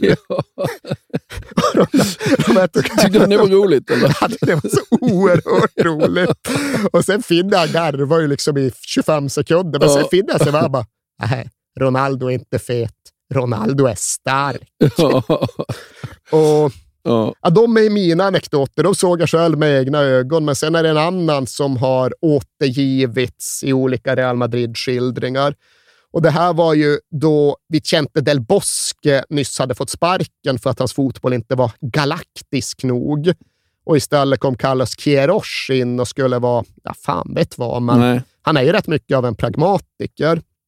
Men tillbaka i Spanien, då var det supercupfinal mellan Real Madrid och Mallorca och Queiroz bad Ronaldo att liksom ändå hålla ett öga på och stänga uppspelsvägarna gentemot Ibagaza i Mallorca, en liten argentinare som drev deras spel. Och Ronaldo bara, vem? när man, alltså dess, nummer 10, du behöver inte veta, nummer 10, har du koll på honom? Se bara till att du liksom skär av passningsvägarna till honom. Uh, eh, nej, alltså jag är ledsen. Jag, nummer 10, jag kan inte se siffrorna på tröjan. Mina ögon, vet ni, är de inte så bra. Och det ska då ha varit enda gången Queiroz överhuvudtaget försökte ge Ronaldo en defensiv Ja. uppgift. Och han liksom bara ryckte bort det. Ja. Och det är klart att i den mån det stämmer, vilket det mycket väl kan göra i dåtidens Real Madrid, så berodde ju det på att huvudtränaren hade väldigt begränsad makt och presidenten hade helt oinskränkt makt. Ja. Och Florentino Perez älskade Ronaldo. Ja. Inte bara för målen och för lyskraften, utan trots att han då är en seriös herre i kostym från byggindustrin, så gillade han det Ronaldo utstrålade och hade kommit att bli. Han liksom gillade att Ronaldo Florentino Perez han brukade skryta inför sina affärskompanjoner. Så är Ronaldo idag. Ja, vadå då? Han behöver, på allvar. Jag vet att det finns matcher som idag då han inte ens duschar efter att han har gått av planen. och det, det tyckte Florentino Perez var coolt liksom. ja, på något sätt. Men För det får han 50 miljoner om året. Ja, det var ju också förbundet med att han hade gjort två mål också. Ja.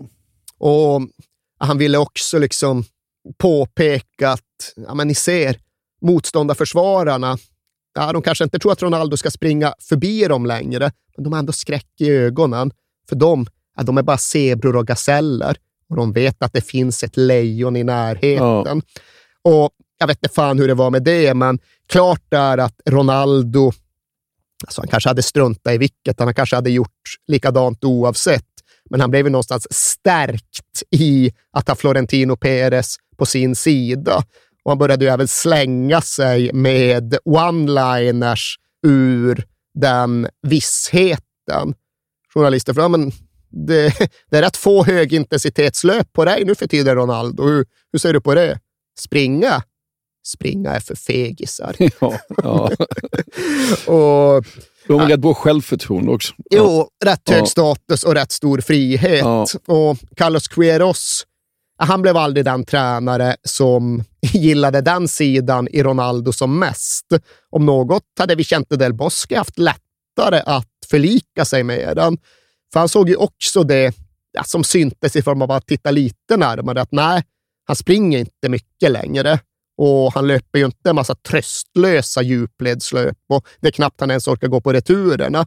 Men det är ändå någonting att det är märkligt med en spelare som i sanning faktiskt är långsam utan boll, men fortfarande vindsnabb med bollen.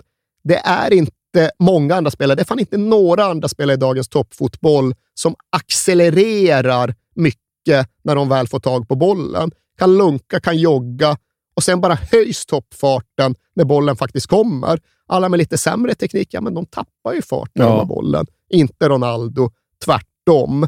Och fortfarande här var han ja, men så gott som unisont uppskattad. Det fanns väl en del hårdkokta supportrar på Bernabeu som tyckte att han inte svettades för tröjan.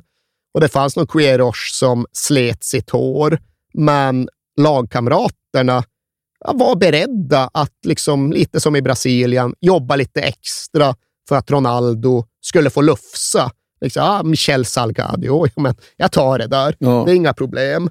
Och dessutom hade han ja, men det lätta skrattet och det goda hjärtat som även visade sig utanför fotbollsplanen.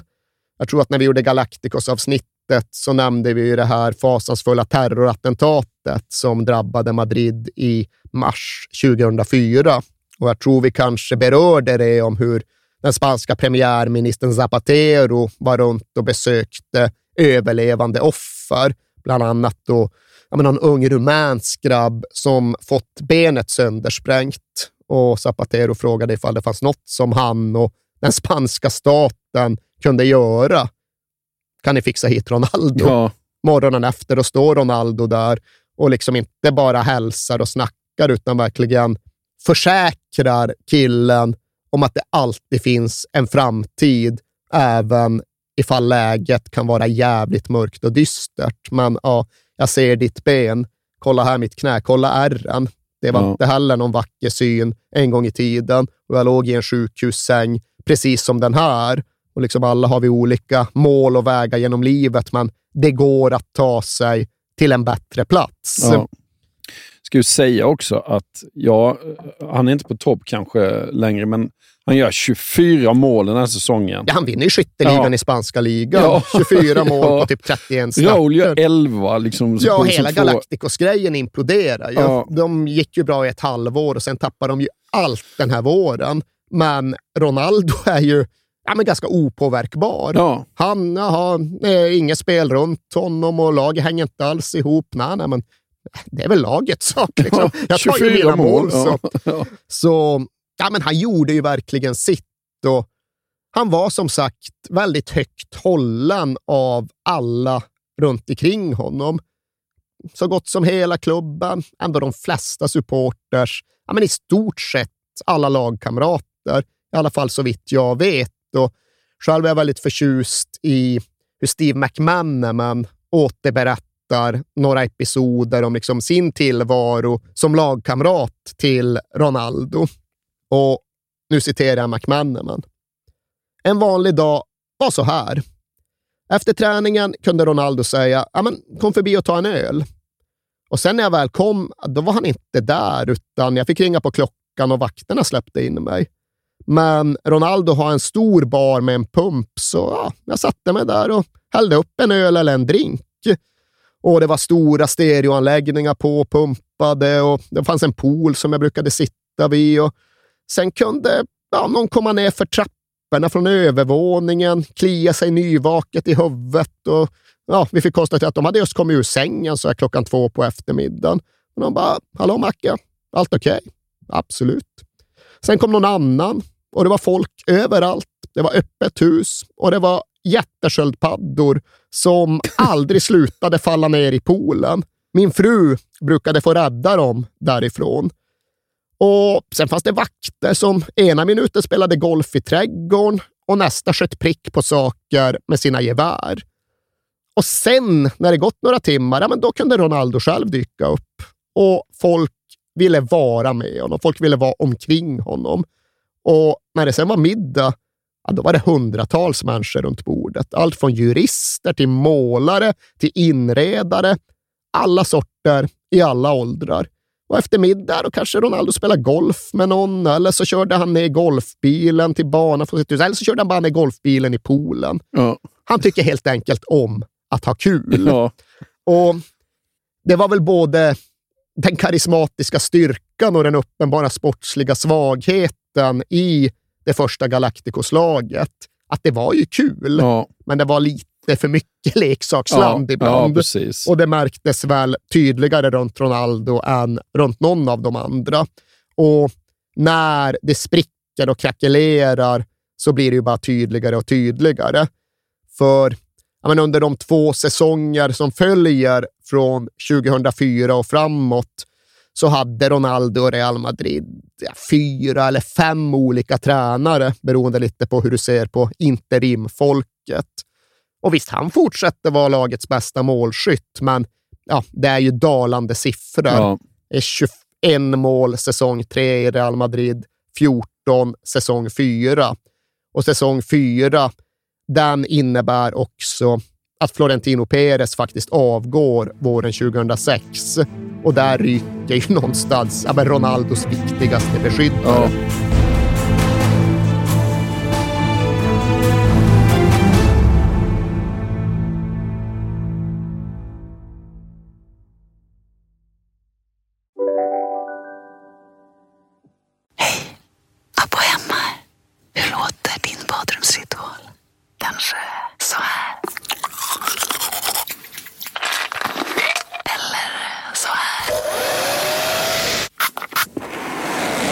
Oavsett vilken ritual du har så hittar du produkterna och inspirationen hos Apohem. Om en yogamatta är på väg till dig, som gör att du för första gången hittar ditt inre lugn, ett lugn du inte trodde fanns, som gör att du blir en trevligare partner, en bättre bilförare, en bättre kock.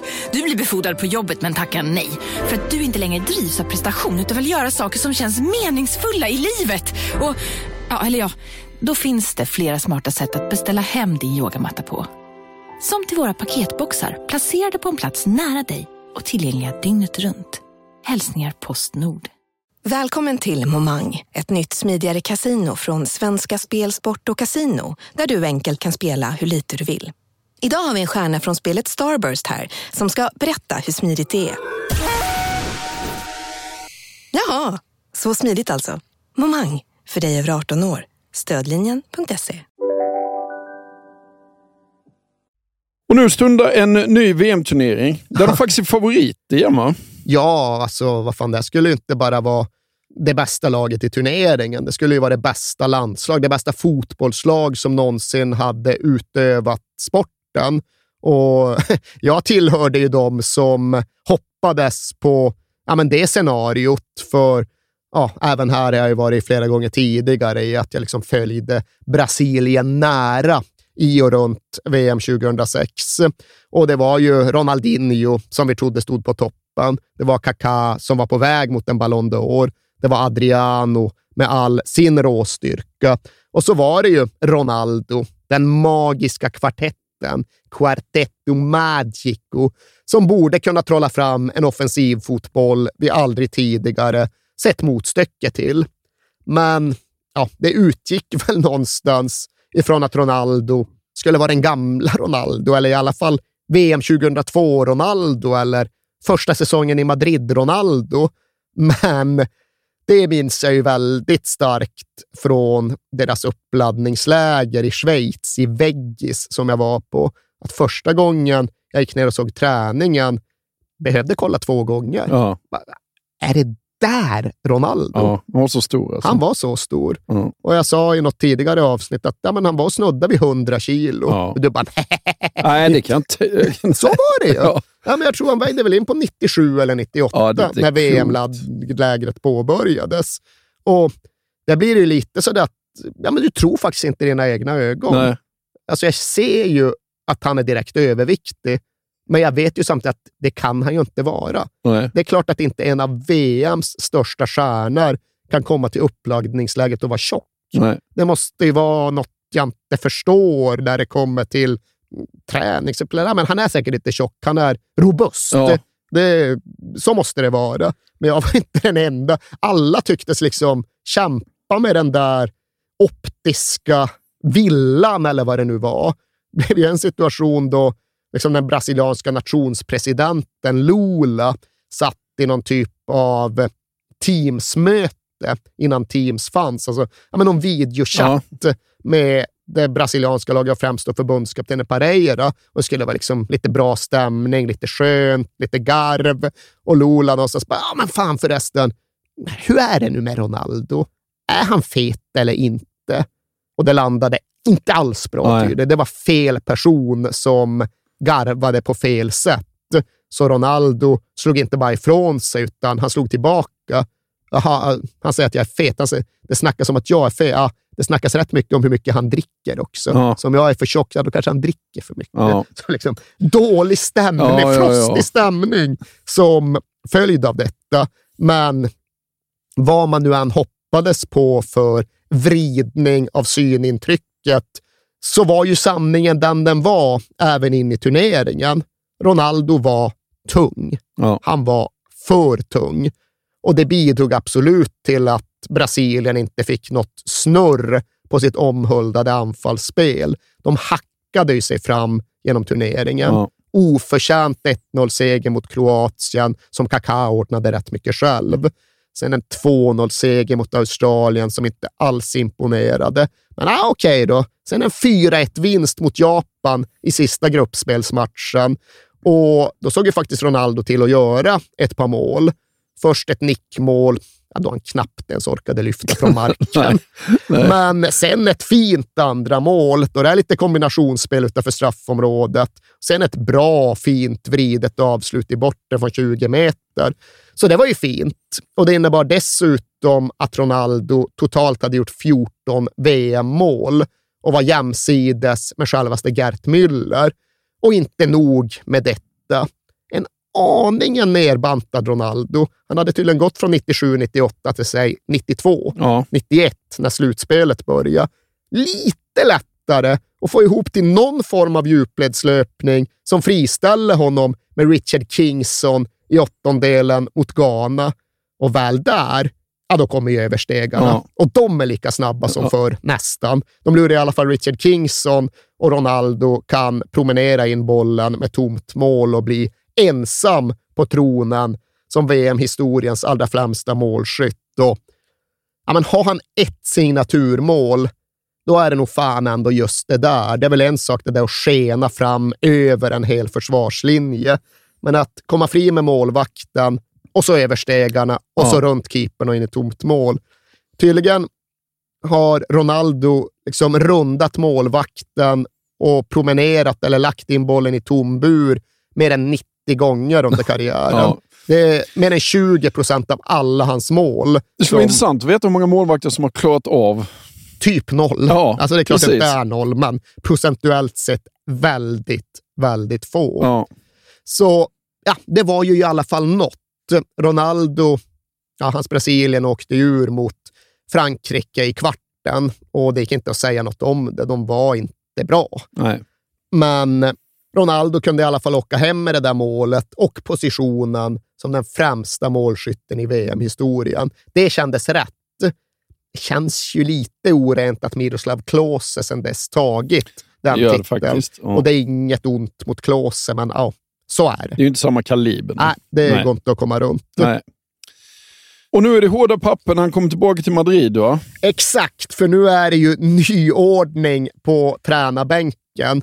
Det är inte längre någon liksom lam interimtränare eller någon lite reserverad Carlos Queiroz, utan nu är det Fabio Capello. Han flinar inte åt övervikt. Då. Nej, alltså precis det hände ju. Ronaldo sen tillbaks efter sommaren, dålig försäsong, något litet försök att lira på hösten, men i grunden inte i speldugligt skick. Och än idag vet jag att Fabio Capello refererar till Ronaldo som den svåraste spelaren han någonsin försökte träna så tillvida att han inte lyssnade. Nej. Eller i Capellos ögon inte brydde sig. Han kom då tillbaka och vägde 96 kilo. Ja. Så någon form av mellanting Ja. mellan hans åttondelsfinalsvikt och hans svårvikt, men uppenbarligen alldeles för mycket. Ja. Och Capello frågar då att ja, men, vi behöver inte gå hela vägen tillbaka till när du var ung, men när ni vann VM-guld 2002, vad vägde du då? 84. Okej, men kan du i alla fall inte gå ner under 90? Säg 88. Ja. Sikta på det så ser vi vart det tar oss. För ja, det är inga omänskliga krav ifall du ska spela för Real Madrid. Och det borde du väl ändå, ja, det borde väl ändå vara genomförbart. Men ja. Capello säger inte minsta uppoffring. Han kom ner till 94, men det var ju typ att han liksom stod över pommes fritesen en lunch. Ja. Liksom. En större ansträngning än så mäktade tydligen inte Ronaldo med nu. Och dessutom så syntes han knappt till, för alltid fanns det någon knäskada som gick att hänvisa till en rehabtid i Brasilien. Så rätt ofta var han bara borta och det visade sig att han var i Brasilien snarare än att någon hade skickat dit honom. Och just under den här perioden när Capello funderade vad fan han ska göra med sin brasse, så framkommer det att Ronaldo håller på att bli av med sitt körkort i Brasilien. Och ja, Det verkar inte som att det är världens striktaste trafikregler där, för det kryper fram att han nu har begått sin trettonde trafikförseelse på det senaste året där borta. Och ja, 13 trafikförseelser, ja, det är rätt många och ändå har bibehållet körkort. Det är därtill rätt jävla många för en kille som inte bor i Brasilien. Hur fan hinner han med Ja, nej. detta? Om man ska vara i Madrid och köra uppbyggnadsträning, undrar Fabio Och att Capello. polisen tar honom 13 gånger också. Alltså Ja. det är bara det liksom. Nej, det finns mycket som Ja. inte hänger ihop här. Men det blir ju såklart aldrig någonting mellan Fabio Capello och Ronaldo. Det Nej. uppstår liksom ingen relation. Han kan inte spela, han får inte spela. Han startar tre ligamatcher under Fabio Capello och när det är dags för januarifönstret, ja, då vill ju italienaren bara bli av med honom. Liksom. Hur billigt som helst, vräk iväg honom till första bästa köpare.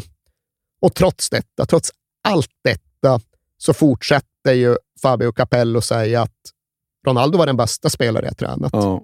Han var den svåraste spelaren jag tränat. Han nådde inte de högsta höjderna under mig, men hans själva förmåga, bästa jag såg. Större än Cristiano Ronaldo, större än allt. Det, det- jag tycker det låter så märkligt med tanke på att han var i den fysiska formen. Då. Han har ändå...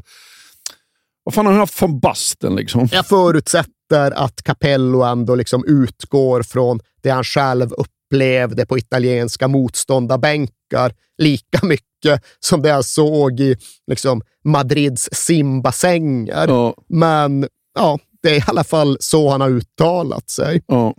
Men ja, där och då fanns det ingen väg framåt. Nej. Ti chiedo solo un saluto per tutti i tifosi rossoneri. Niente, un grande, un grande saluto. Eh, arrivato finalmente e spero date troppe soddisfazioni a queste, questi tifosi. Grazie Ronny. Prego. Och sen måste jag citera här nu Capello för att han blir uppringd i januarifönstret. Så blir han uppringd av Berlusconi som frågar efter ja, hur är formen med eh, Ronaldo. Och eh, Capello säger att ja, alltså han är ju rejält överviktig och vägrar träna. Och, så, och dagen efter säger Capello så öppnar jag tidningen och står det att Milan har köpt honom. och jag skrattade så jag höll på att dö. Liksom. ja. Nej, alltså, det hade ju viskats lite om en återkomst till Inter, men ja, jag vet inte om det är så att tillfället gör tjuven eller att tjuven skapas av tillfället, men det fanns väl något i Milans situation som gjorde dem halvt tvungna att agera. Det fanns ju något i Berlusconis person som drogs till ja, men, namn med den tyngd och status som Ronaldo fortfarande hade. Men det här är ju året efter Calciopoli. Ja. De har inte skickats ner i andra divisionen, men de hade börjat med ett åtta poängsavdrag.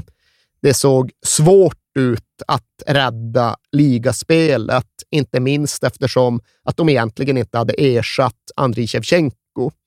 Så det var väl det som var mekanismen som tog dem till Ronaldo.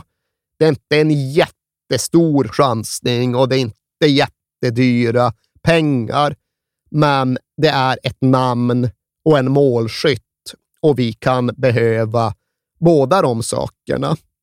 Och sen är ju något väldigt betydelsefullt som sker omedelbart efter Ronaldos ankomst till Italien, att ja, men Milan Lab får titta på honom. Och det finns rätt mycket i Ronaldos karriär som får en att känna att ja, men, varför såg inte folk till att kolla upp grejer tidigare? Hade han inte rätt folk omkring sig? Men det liksom ganska avancerade medicinska systemet runt Milan leder ju fram till att på bara några dagar blir han diagnostiserad med det tillstånd som heter hypoteros. Och även detta är något jag vet väldigt lite om. Men när, jag, ja, men när jag läser på så är det tydligen så att sköldkörteln producerar för lite hormoner.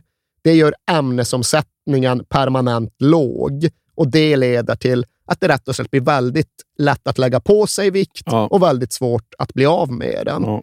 Och jag minns ju när det började snackas om hypoteros, att folk garvade ju åt det också. Ja. Ja, vadå? Han nu kommer på en bortförklaring eftersom att han inte orkar gå ner i vikt. Men så är det. Alltså, det är väl en helt jävla legitim förklaring till att kilorna blev ännu fler än vad de annars hade blivit. Ja. Hans träningsflit var ju inte den största här mot slutet, men det var inte så att han träningsvägrade. Det var inte så att han stod helt stilla i alla matcher han spelade. Det var inte så att han bara åt barbecue åtta dagar i veckan, Nej. utan han hade säkert haft något kilo för mycket oaktat det här med hypoterosen. Men ja, han kanske inte hade haft 20 kilo för mycket, Nej. vilket han ju faktiskt hade under sina sista år som fotbollsspelare stundtals. Men nu kunde ändå Milan konstatera detta och de kunde i någon mån behandla det. De kunde inte ösa på för fullt på det sätt som mer eller mindre avhjälpt problemen, för då var de tydligen inne på dopningsklassade preparat. Aha, Men de kunde i alla fall göra något. Han fick väl någon sorts medicinering och effekten blev också ganska omedelbar. Det var inte så att han var nere på 84 igen, men jag tror han tappade 5, 6, 7 kilo. 88 kanske? Capellos, ja, ja, Capellos ja. målbild.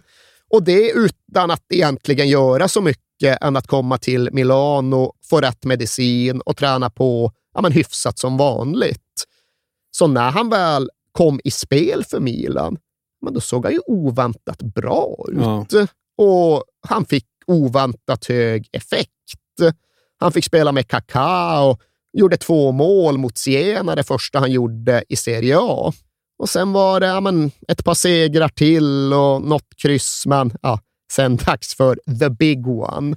derbyt mot Inter mars 2007. Och Inters relation till Ronaldo är ju inte alldeles entydig. Nej. Tydligen med i Hall of Fame i alla fall. Det visste jag inte, men det Nej, känns men- rimligt. Och, Det, det är nog antagligen, har vi betalat så mycket pengar för honom och vi har vårdat honom så länge. Så. men jag tror också att här har nog tiden läkt en del sår. För jag uppfattar inte idag att Interistis hatar Ronaldo. Nej. Inte generellt i alla fall. Men här våren 2007, då var det så. Och de mobiliserade ju genom att då dela ut visselpipor av plast till alla blåsvarta på det här derbyt. Så det var liksom 33 000 visselpipor som drog igång när Ronaldo rörde bollen. Det är ett rätt jävla påfrestande ljud, alldeles oavsett om du spelar eller tittar på fotboll. Men ja, trots då detta, vem fan är det som tar tag i matchen? Vem är det som gör första målet med ett distansskott från fornstora dagar? Ja, men det är klart att det är Ronaldo Ja. som struttar runt där och jublar med händerna för öronen. Och inte vet jag om han själv brydde sig. Jag misstänker att han faktiskt inte gjorde det. Men det var ju då Julio Cesar i Inters mål. Och Julio Cesar, han hade blivit tillsammans med den här tjejen Susanna Werner som Ronaldo hade varit ihop med när han först flyttade till Milano. Och det gjordes ju ett stort nummer av detta i boulevardpressen. Men någonstans får jag ju känna, äh, Ronaldo struntar väl i vilket. Ja. Kvinnorna kom och gick, Jo. ifall jag ska vara lite sån. Och ja, Ronaldo tycktes fortsätta framåt hyfsat opåverkad av allt det. Men ja, han gjorde mål i det här derbyt. Han vann inte det för i inte spelade en kille som heter Ibrahimovic och han vände matchen rätt mycket av egen kraft.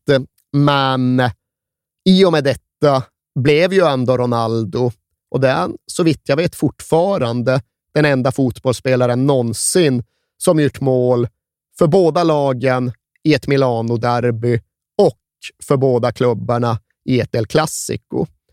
Och alltså hans första vår i Milan, bra. Riktigt bra. Sju mål på tolv starter. Det är inte fornstora siffror, men det är precis vad Milan behövde. Och de gick med honom i laget från sjunde till fjärde plats och kvalificerade sig återigen för Champions League, även ligavägen. Det visade sig att det hade de inte behövt, för de gick ju faktiskt och vann Champions League den här våren också. Och där finns det ju något typiskt att ja, Ronaldo var med, men han var inte med. För han hade ju spelat Champions League ja, några minuter här och några minuter där för Capello och Real Madrid. Ja. Så han ja, men var förhindrad att representera en andra klubb samma Champions League-säsong. Och därför fick han stå vid sidan och titta på och kan inte titulera sig själv som Champions League-mästare. Och det är många stora spelare som inte kan det. Det är allt från Cantona över Bergkamp till Cannavaro och Buffon och sen då Totti och Zlatan. Ja. Men det går liksom inte att komma ifrån att Ronaldo, ja, men han är den största, han är den bästa som spelat under Champions League-eran utan att vinna.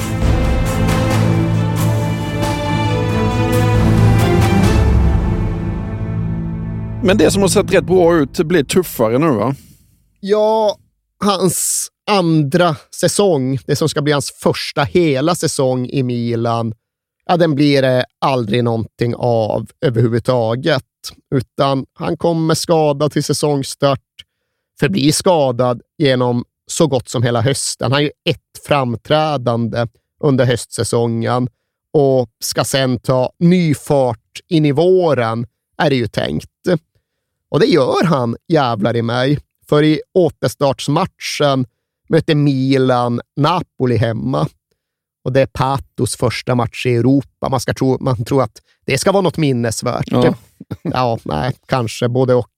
Men anledningen att minnas den här matchen, det är ju tvärtom istället för att en annan brasiliansk ikon gjorde sina sista mål i Europa. Ronaldo gör två och Milan besegrar Napoli med 5-2. Men det är då sista gången som Ronaldo får europeiska målnät att sjunga. För det blir något ytterligare framträdande, men det är lite hackigt i ännu en månad. Och sen är det match mot Livorno hemma i början av mars. Och Ronaldo hoppar in efter en knapp timme. Och sen är det hemskt nog som att det som hände nästan åtta år tidigare nu upprepar sig igen. Det är en annan situation. Det är inte så att han vänder upp och försöker rycka, utan det är ju en nickduell som innebär att han kommer fel när han landar. Men samma knä som viker sig och samma skrik och gråt och bedrövade lagkamrater och ja, men för den delen då även samma diagnos som kan konstateras efteråt. Det är den där jävla knäskålen och den där jävla senan igen. Och det är en aningen lindrigare skada än förra gången, men det är en lång konvalescens som väntar. En oviss konvalescens. Och eftersom Ronaldos korttidskontrakt med Milan går ut till sommaren så blir tyvärr Ronaldos avskedsbild till den europeiska fotbollen den då han vrider sig i plågor och skriker av smärtor då han blir utburen på bår från San Siro. Ännu en lång och svår väg tillbaka, men karriären är inte riktigt över. Nej, jag på att säga svårbegripligt ja. nog, men kanske finns det något i att det ändå slås fast ganska snabbt att ja, nej, det här är jävligt, men det är inte alls lika jävligt som förra vändan. Det är en likartad skada, men förödelsen är inte lika total. Då var det drygt ett och ett halvt år. Den här gången kan det nog faktiskt gå att vara tillbaka efter ett drygt halvår.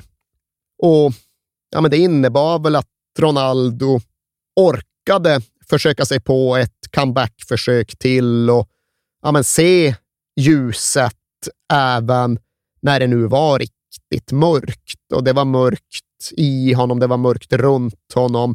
Det blev ju faktiskt ja, men mörka rubriker på ett sätt vi inte riktigt hade upplevt förr. För det hade ju varit liksom bekymrade, bedrövade rubriker. Men nu blev det fördömande och indignerande rubriker. Och det var väl inte så konstigt kanske, för ja, som sagt, han hade haft sitt kvinnoliv, sitt kärleksliv längs hela vägen.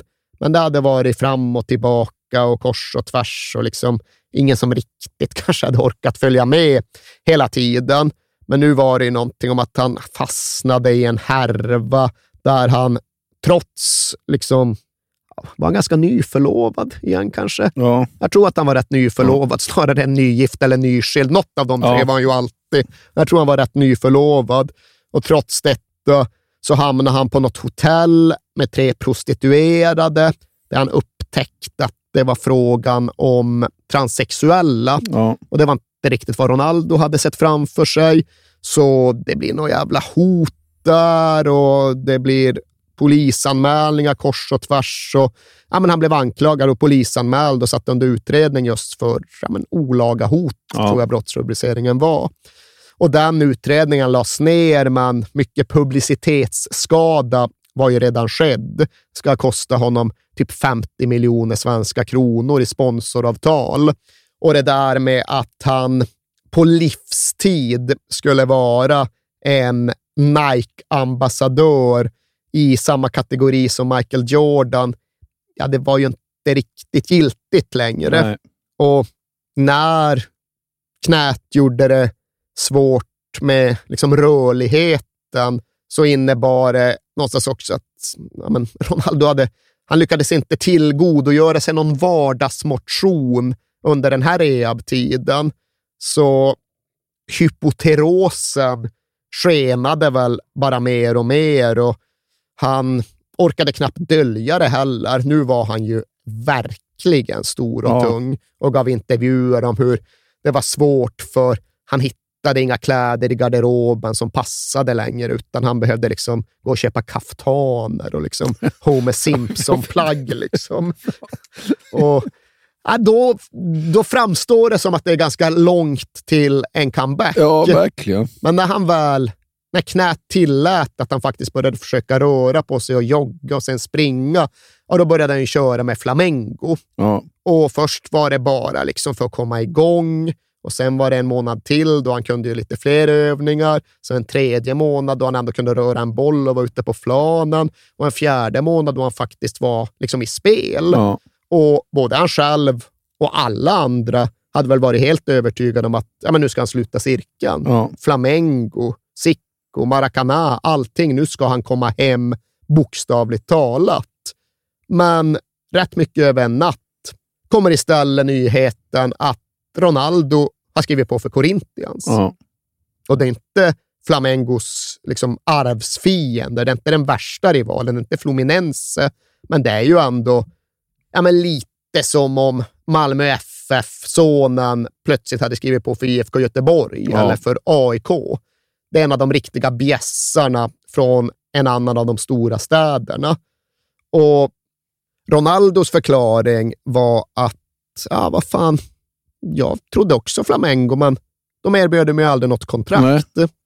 Och det hade de inte gjort, men de hade väl sagt skynda långsamt, vi tar det i tur, ja, men saker får komma i tur och ordning, det här får ta sin tid. Vi tycker väl inte att du verkar riktigt klar för matchspel och ja, men vill nog bevisa att du kan spela matcher innan vi skriver ett lukrativt heltidskontrakt. Ronaldo tyckte att det var för avvaktande och för mycket garderande och på någon liksom bara tillställning stötte han på Corinthians nya ambitiösa president. Och Corinthians, då en bjässe klubb, hade faktiskt varit nere i andra divisionen och vänt. Ja. Och nu skulle de upp igen och nu skulle de markera sin återkomst med buller och bång. Och den här ambitiösa presidenten, fan här står Ronaldo och jag vill skapa positiva svallvågor. Jag vill göra ett eko. Fan, ska du inte komma till Corinthians? Ja, jo, visst, ifall du har ett kontrakt till mig så mm, absolut, det kan jag göra. Ingen annan har ju något kontrakt. Kontrakt!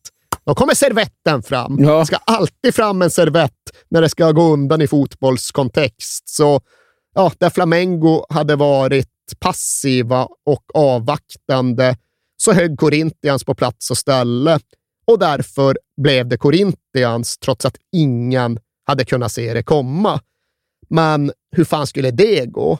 Flamengo gjorde ju ändå bedömningen att det är rätt långt kvar till matchspel. Ja. Och inte vet jag, du kan tycka att det lokala delstatsmästerskapet runt Sao Paulo är en marginell företeelse, men det förblir ju stort Ja. i fotbollslandet Brasilien. Och nu var det Paulista-mästerskapet som var på väg att rulla igång. Och Ronaldos första start, det blir ingen undanskymd historia på någon byaarena i regnskogen, utan nej då, det är det stora Sao Paulo-derbyt mot Palmeiras. Ja. Och Palmeiras tar ledningen och det står sig det är 1-0 in på stopptid. Och i 94 jävla minuten, ja, då dyker han upp på bortre stolpen, Ronaldo, och nickar dit 1-1.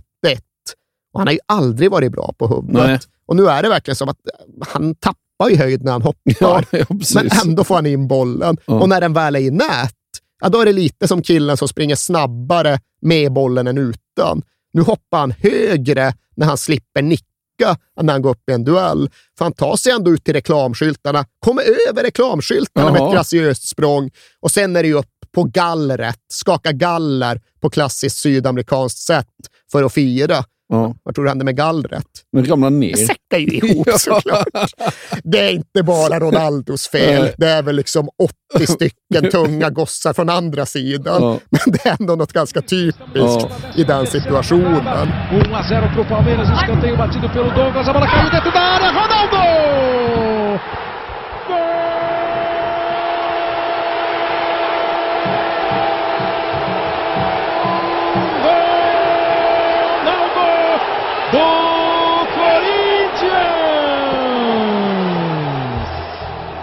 Men ändå, fan vilken startmål mot Palmeiras i derbyt. Vilken kung, vilken hjälte.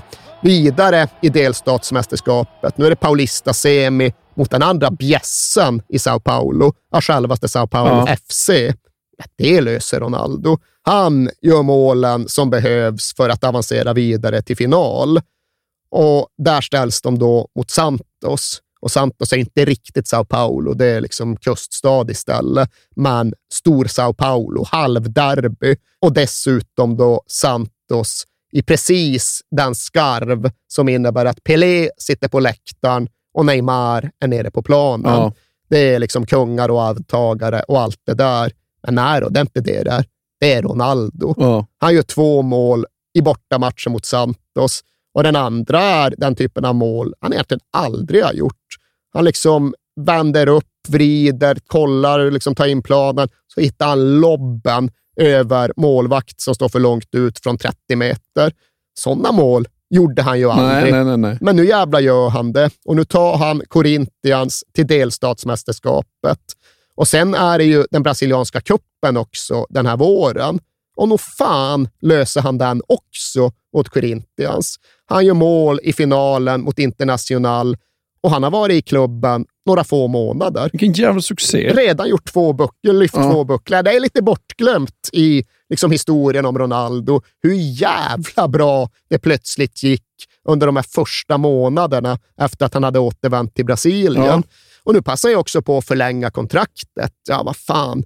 För, ja, det här är ju då 2009, men vad fan, vi kör det. Vi kör 2010. Ja, vi kör hela 2011 också. Ja. Så förlänger mer eller mindre med två och ett halvt år i stöten och aviserar visserligen att ja, men det här blir mitt sista kontrakt, men en rejäl satsning. Ja. Nu ska de gå för ligatiteln och då ska framför allt gå för Libertadores. För 2010, då firar Corinthians 100 år. Ja. Och det tar de inte lätt på i Brasilien. Och vilken jävla grej hade det varit? Ja. Men så blir det inte, utan Corinthians förlorar typiskt nog mot Flamengo på bortamål i Libertadores och ligan går inget bra och Ronaldo kommer knappt till spel. Det blir glesare och glesare mellan framträdandena.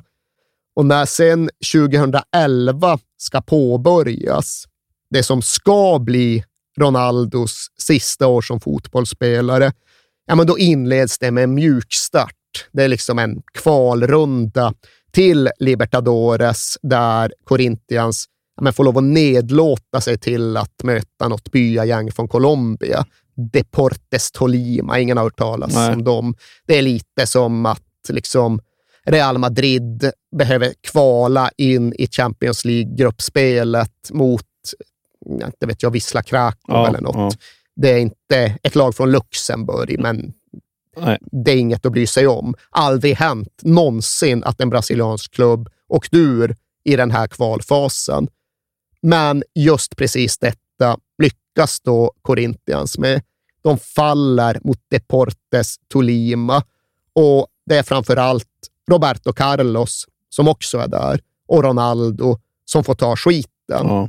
Roberto Carlos, de hotar honom och de hotar hans familj. Det är riktigt obehagligt.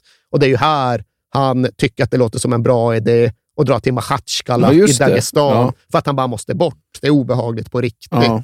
Ronaldo får väl inte riktigt lika mycket regelrätta hot, men han är en ganska enkel måltavla med, ja, med sitt namn och sin rondör, Ja, sin hypoteros. Det är väldigt mycket och gordoklotter över träningsanläggningen, alltså tjockis. Och ja, tonläget är inte det bästa. Och här tar då Roberto Carlos sitt beslut att dra till Dagestan och precis efteråt tar även Ronaldo sitt beslut och det är att lägga av. Han kommer inte fullfölja sitt kontrakt. Han kommer inte spela hela 2011 för han känner själv att det funkar inte längre. Och jag vet inte själv om man hade tänkt på signifikansen i valet av datum för sin sorti. Men han aviserar alltså att han slutar spela med omedelbar verkan på alla hjärtans dag 2011. Ja. Och han går ut och liksom pratar, han är väldigt svårt med känslorna och det är mycket gråt och säger att det här känns som min första död. Med, ja, Han kommer dö fler gånger, Ja. men det här är dagen då han dör sin första död. Det här är dagen då hans fotbollsliv tar slut. Och det är väl inte svårt för honom att förklara sig. Han säger att mentalt vill jag verkligen fortsätta, men jag måste erkänna att jag har förlorat mot min kropp. Ja.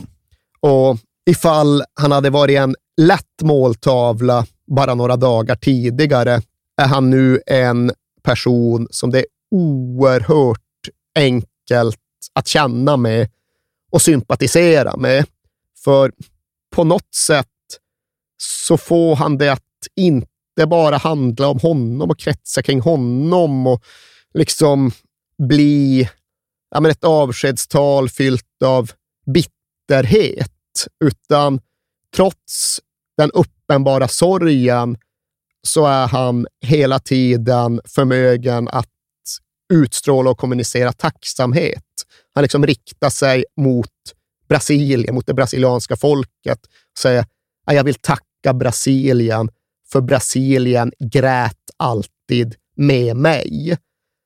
Och där är det ju också någonting att det är inte rätt, men det är ändå jäkligt gripande att han någonstans tar farväl som en förlorare. Ja. Det är någonstans så han ser på det, att han till sist accepterar en förlust snarare än att fira en triumf. Alltså, hans karriär har ju varit en guldkantad jävla Eriksgata som nästan saknar motstycke.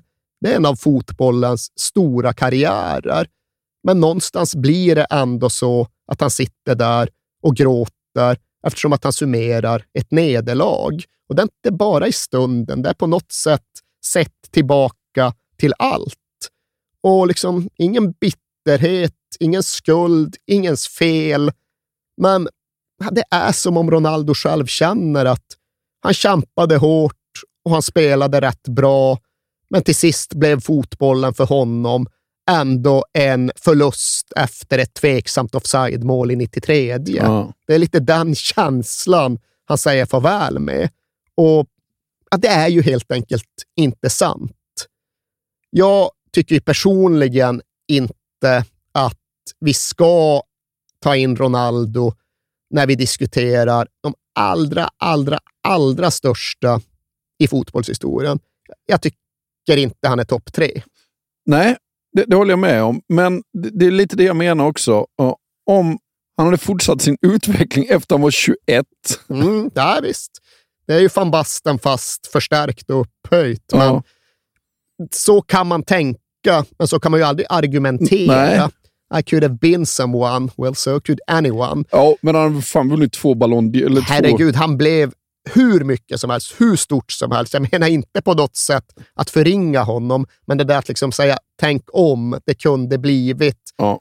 Det går inte att använda som argument och det, jag vet inte exakt vad han stannade på. Han gjorde väl totalt 400 mål, typ, i sin karriär. Ja. Och det är ju otroligt. Men Cristiano Ronaldo, han har snart gjort 800 mål. Och det är Mm. klart att det väger någonting hur mycket man faktiskt uträttade snarare än vad man kunde ha uträttat. Ja, men sen så har han ett jävla missflytt också. Att han heter Ronaldo och att det bara några år senare kommer Ronaldo. För att när du googlar på Ronaldo, det är det är ju inte den här Ronaldo du får upp. Och liksom. det är ju inte klokt. Framförallt inte att det ju ofta är de där liksom nedsättande grejerna om just tjockis Ronaldo Ja. och allt det där. Så ska det ju inte få vara, så kan det inte få förbli. Utan där måste ju Ronaldo få sin rättmätiga upprättelse. Och jag tycker som sagt inte att det är en av historiens tre största fotbollsspelare, men jag tycker absolut det är rimligt att resonera kring om det är en av tidernas tio bästa fotbollsspelare. Och då jävlar har man uppnått rätt mycket. Ja, vad sa vi? Två Ballon d'Or. Det fanns väl på den tiden det här liksom Fifa-priset som många just då satte ännu större betydelse på. Det vann han tre gånger. Ja. Världsmästare ja, en och en halv gång. Formellt sett två gånger. Copa America två gånger. På klubblagssidan, ja, men så många titlar att jag inte kan räkna dem och än mindre kan jag hålla rätt på alla individuella utmärkelser. Plus att alla som någonsin har spelat med honom eller mot honom säger att det är det värsta jag någonsin har sett på en fotbollsplan. Absolut. Inklusive Zidane. Ja. Absolut. Och därtill, det jag själv nästan sätter störst värde på av allt, hans inflytande och eftermäle. För du har en hel generation kids som nu har blivit vuxna, nästan till och med lite gamla i fotbollsår räknat, som refererar till Ronaldo som sin absolut viktigaste förebild och mest givande inspirationskälla och största idol. Det är liksom alla offensiva spelare, ja, men säg som föddes på 80-talet Ja. och som var små när Ronaldo var ung. Och det är ju allt från just Cristiano Ronaldo. Han säger ju att ja, men, den andra Ronaldo, den första Ronaldo, ja, det var min stora idol och för han var det tillsammans med Ronaldinho. Ja.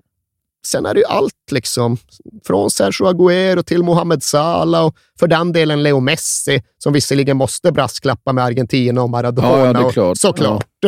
Men i stort sett alla ur den generationen, de som var små och formbara och på jakt efter hjältar 1996 eller 1998 eller 2002.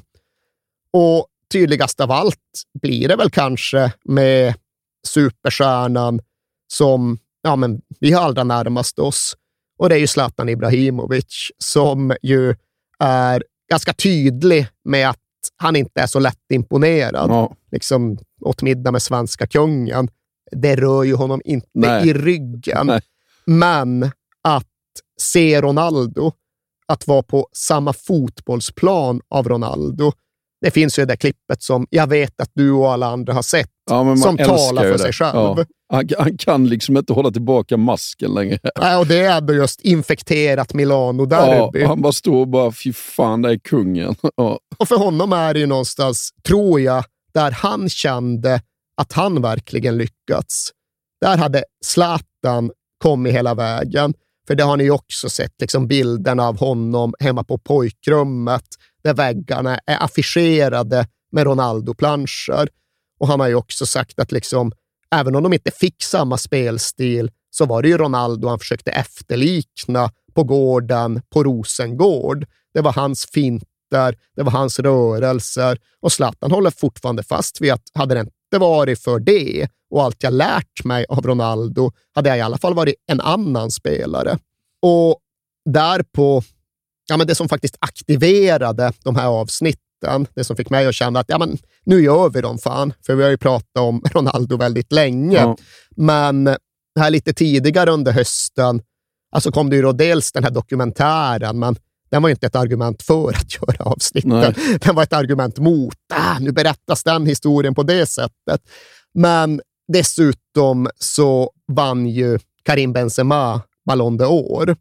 Och det är väl han vid sidan av Zlatan som verkligen har tagit djupt intryck och som känner ett behov av att kreditera Ronaldo för ja, men sin egen fotbollskärlek och därefter då den egna karriären och de andra framgångarna. För Karim Benzema gjorde ju ett nummer av det när han skulle hålla sitt tacktal efter att ha vunnit Ballon d'Or. Du vet, de där tacktalen som annars bara går ut till ja, men familjen och agenterna och kanske lagkamraterna och möjligen någon tränare. I Karim Benzemas fall, ja, ibland någon rappare också. Men den här gången så såg han ju till att tacka den han verkligen ville tacka. Och det var ju Ronaldo. Som Benzema sa, för mig finns det ingen annan anfallare. Och det han gjorde på planen är omöjligt att upprepa. Och i hela historien är han den enda anfallaren som skulle få mig att sätta mig på bänken utan ett ord om han också spelade i mitt lag och konkurrerade om startplatsen. Och ja, men Benzema, fransk-algerier, Zlatan, svensk med rötter på Balkan. Vi har Mohamed Salah i Egypten, vi har Sergio Agüero och Leo Messi i Sydamerika, vi har Cristiano Ronaldo på Madeira Och vi har en miljard andra kids i världens alla hörn som tog väldigt djupt intryck av Ronaldo. Och jag tror det finns något i det, liksom, bara ryggradsmässigt. Var spelade Ronaldo? Ja, för Brasilien, ja, jag säga. Ja. Faktiskt. Ja. För dels finns det något i att ja, men det är svårt att bara svara. Ja. Liksom, vart spelade Leo Messi? Han spelade i Barcelona. Ja. Vart spelade Cristiano Ronaldo? I Real Madrid och för den delen i Manchester Ja. United. Men Ronaldo, ja, nej vad fan. Barcelona, Inter, Cruzeiro. Nej, jag tycker Brasiliens landslag, det är någonstans så nära du kommer Ja. ett rätt svar. Men här ska vi inte hålla på och liksom problematisera den moderna bristen på klubbkänsla, utan här finns det något med värde att hämta.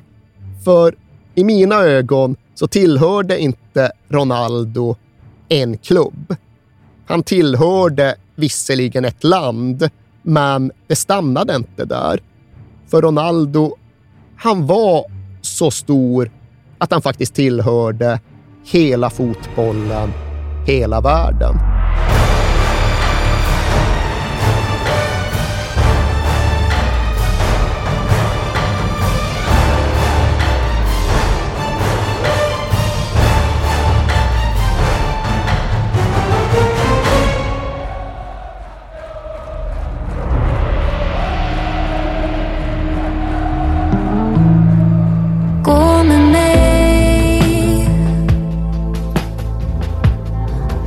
Bakom skuggor. Ser du sol?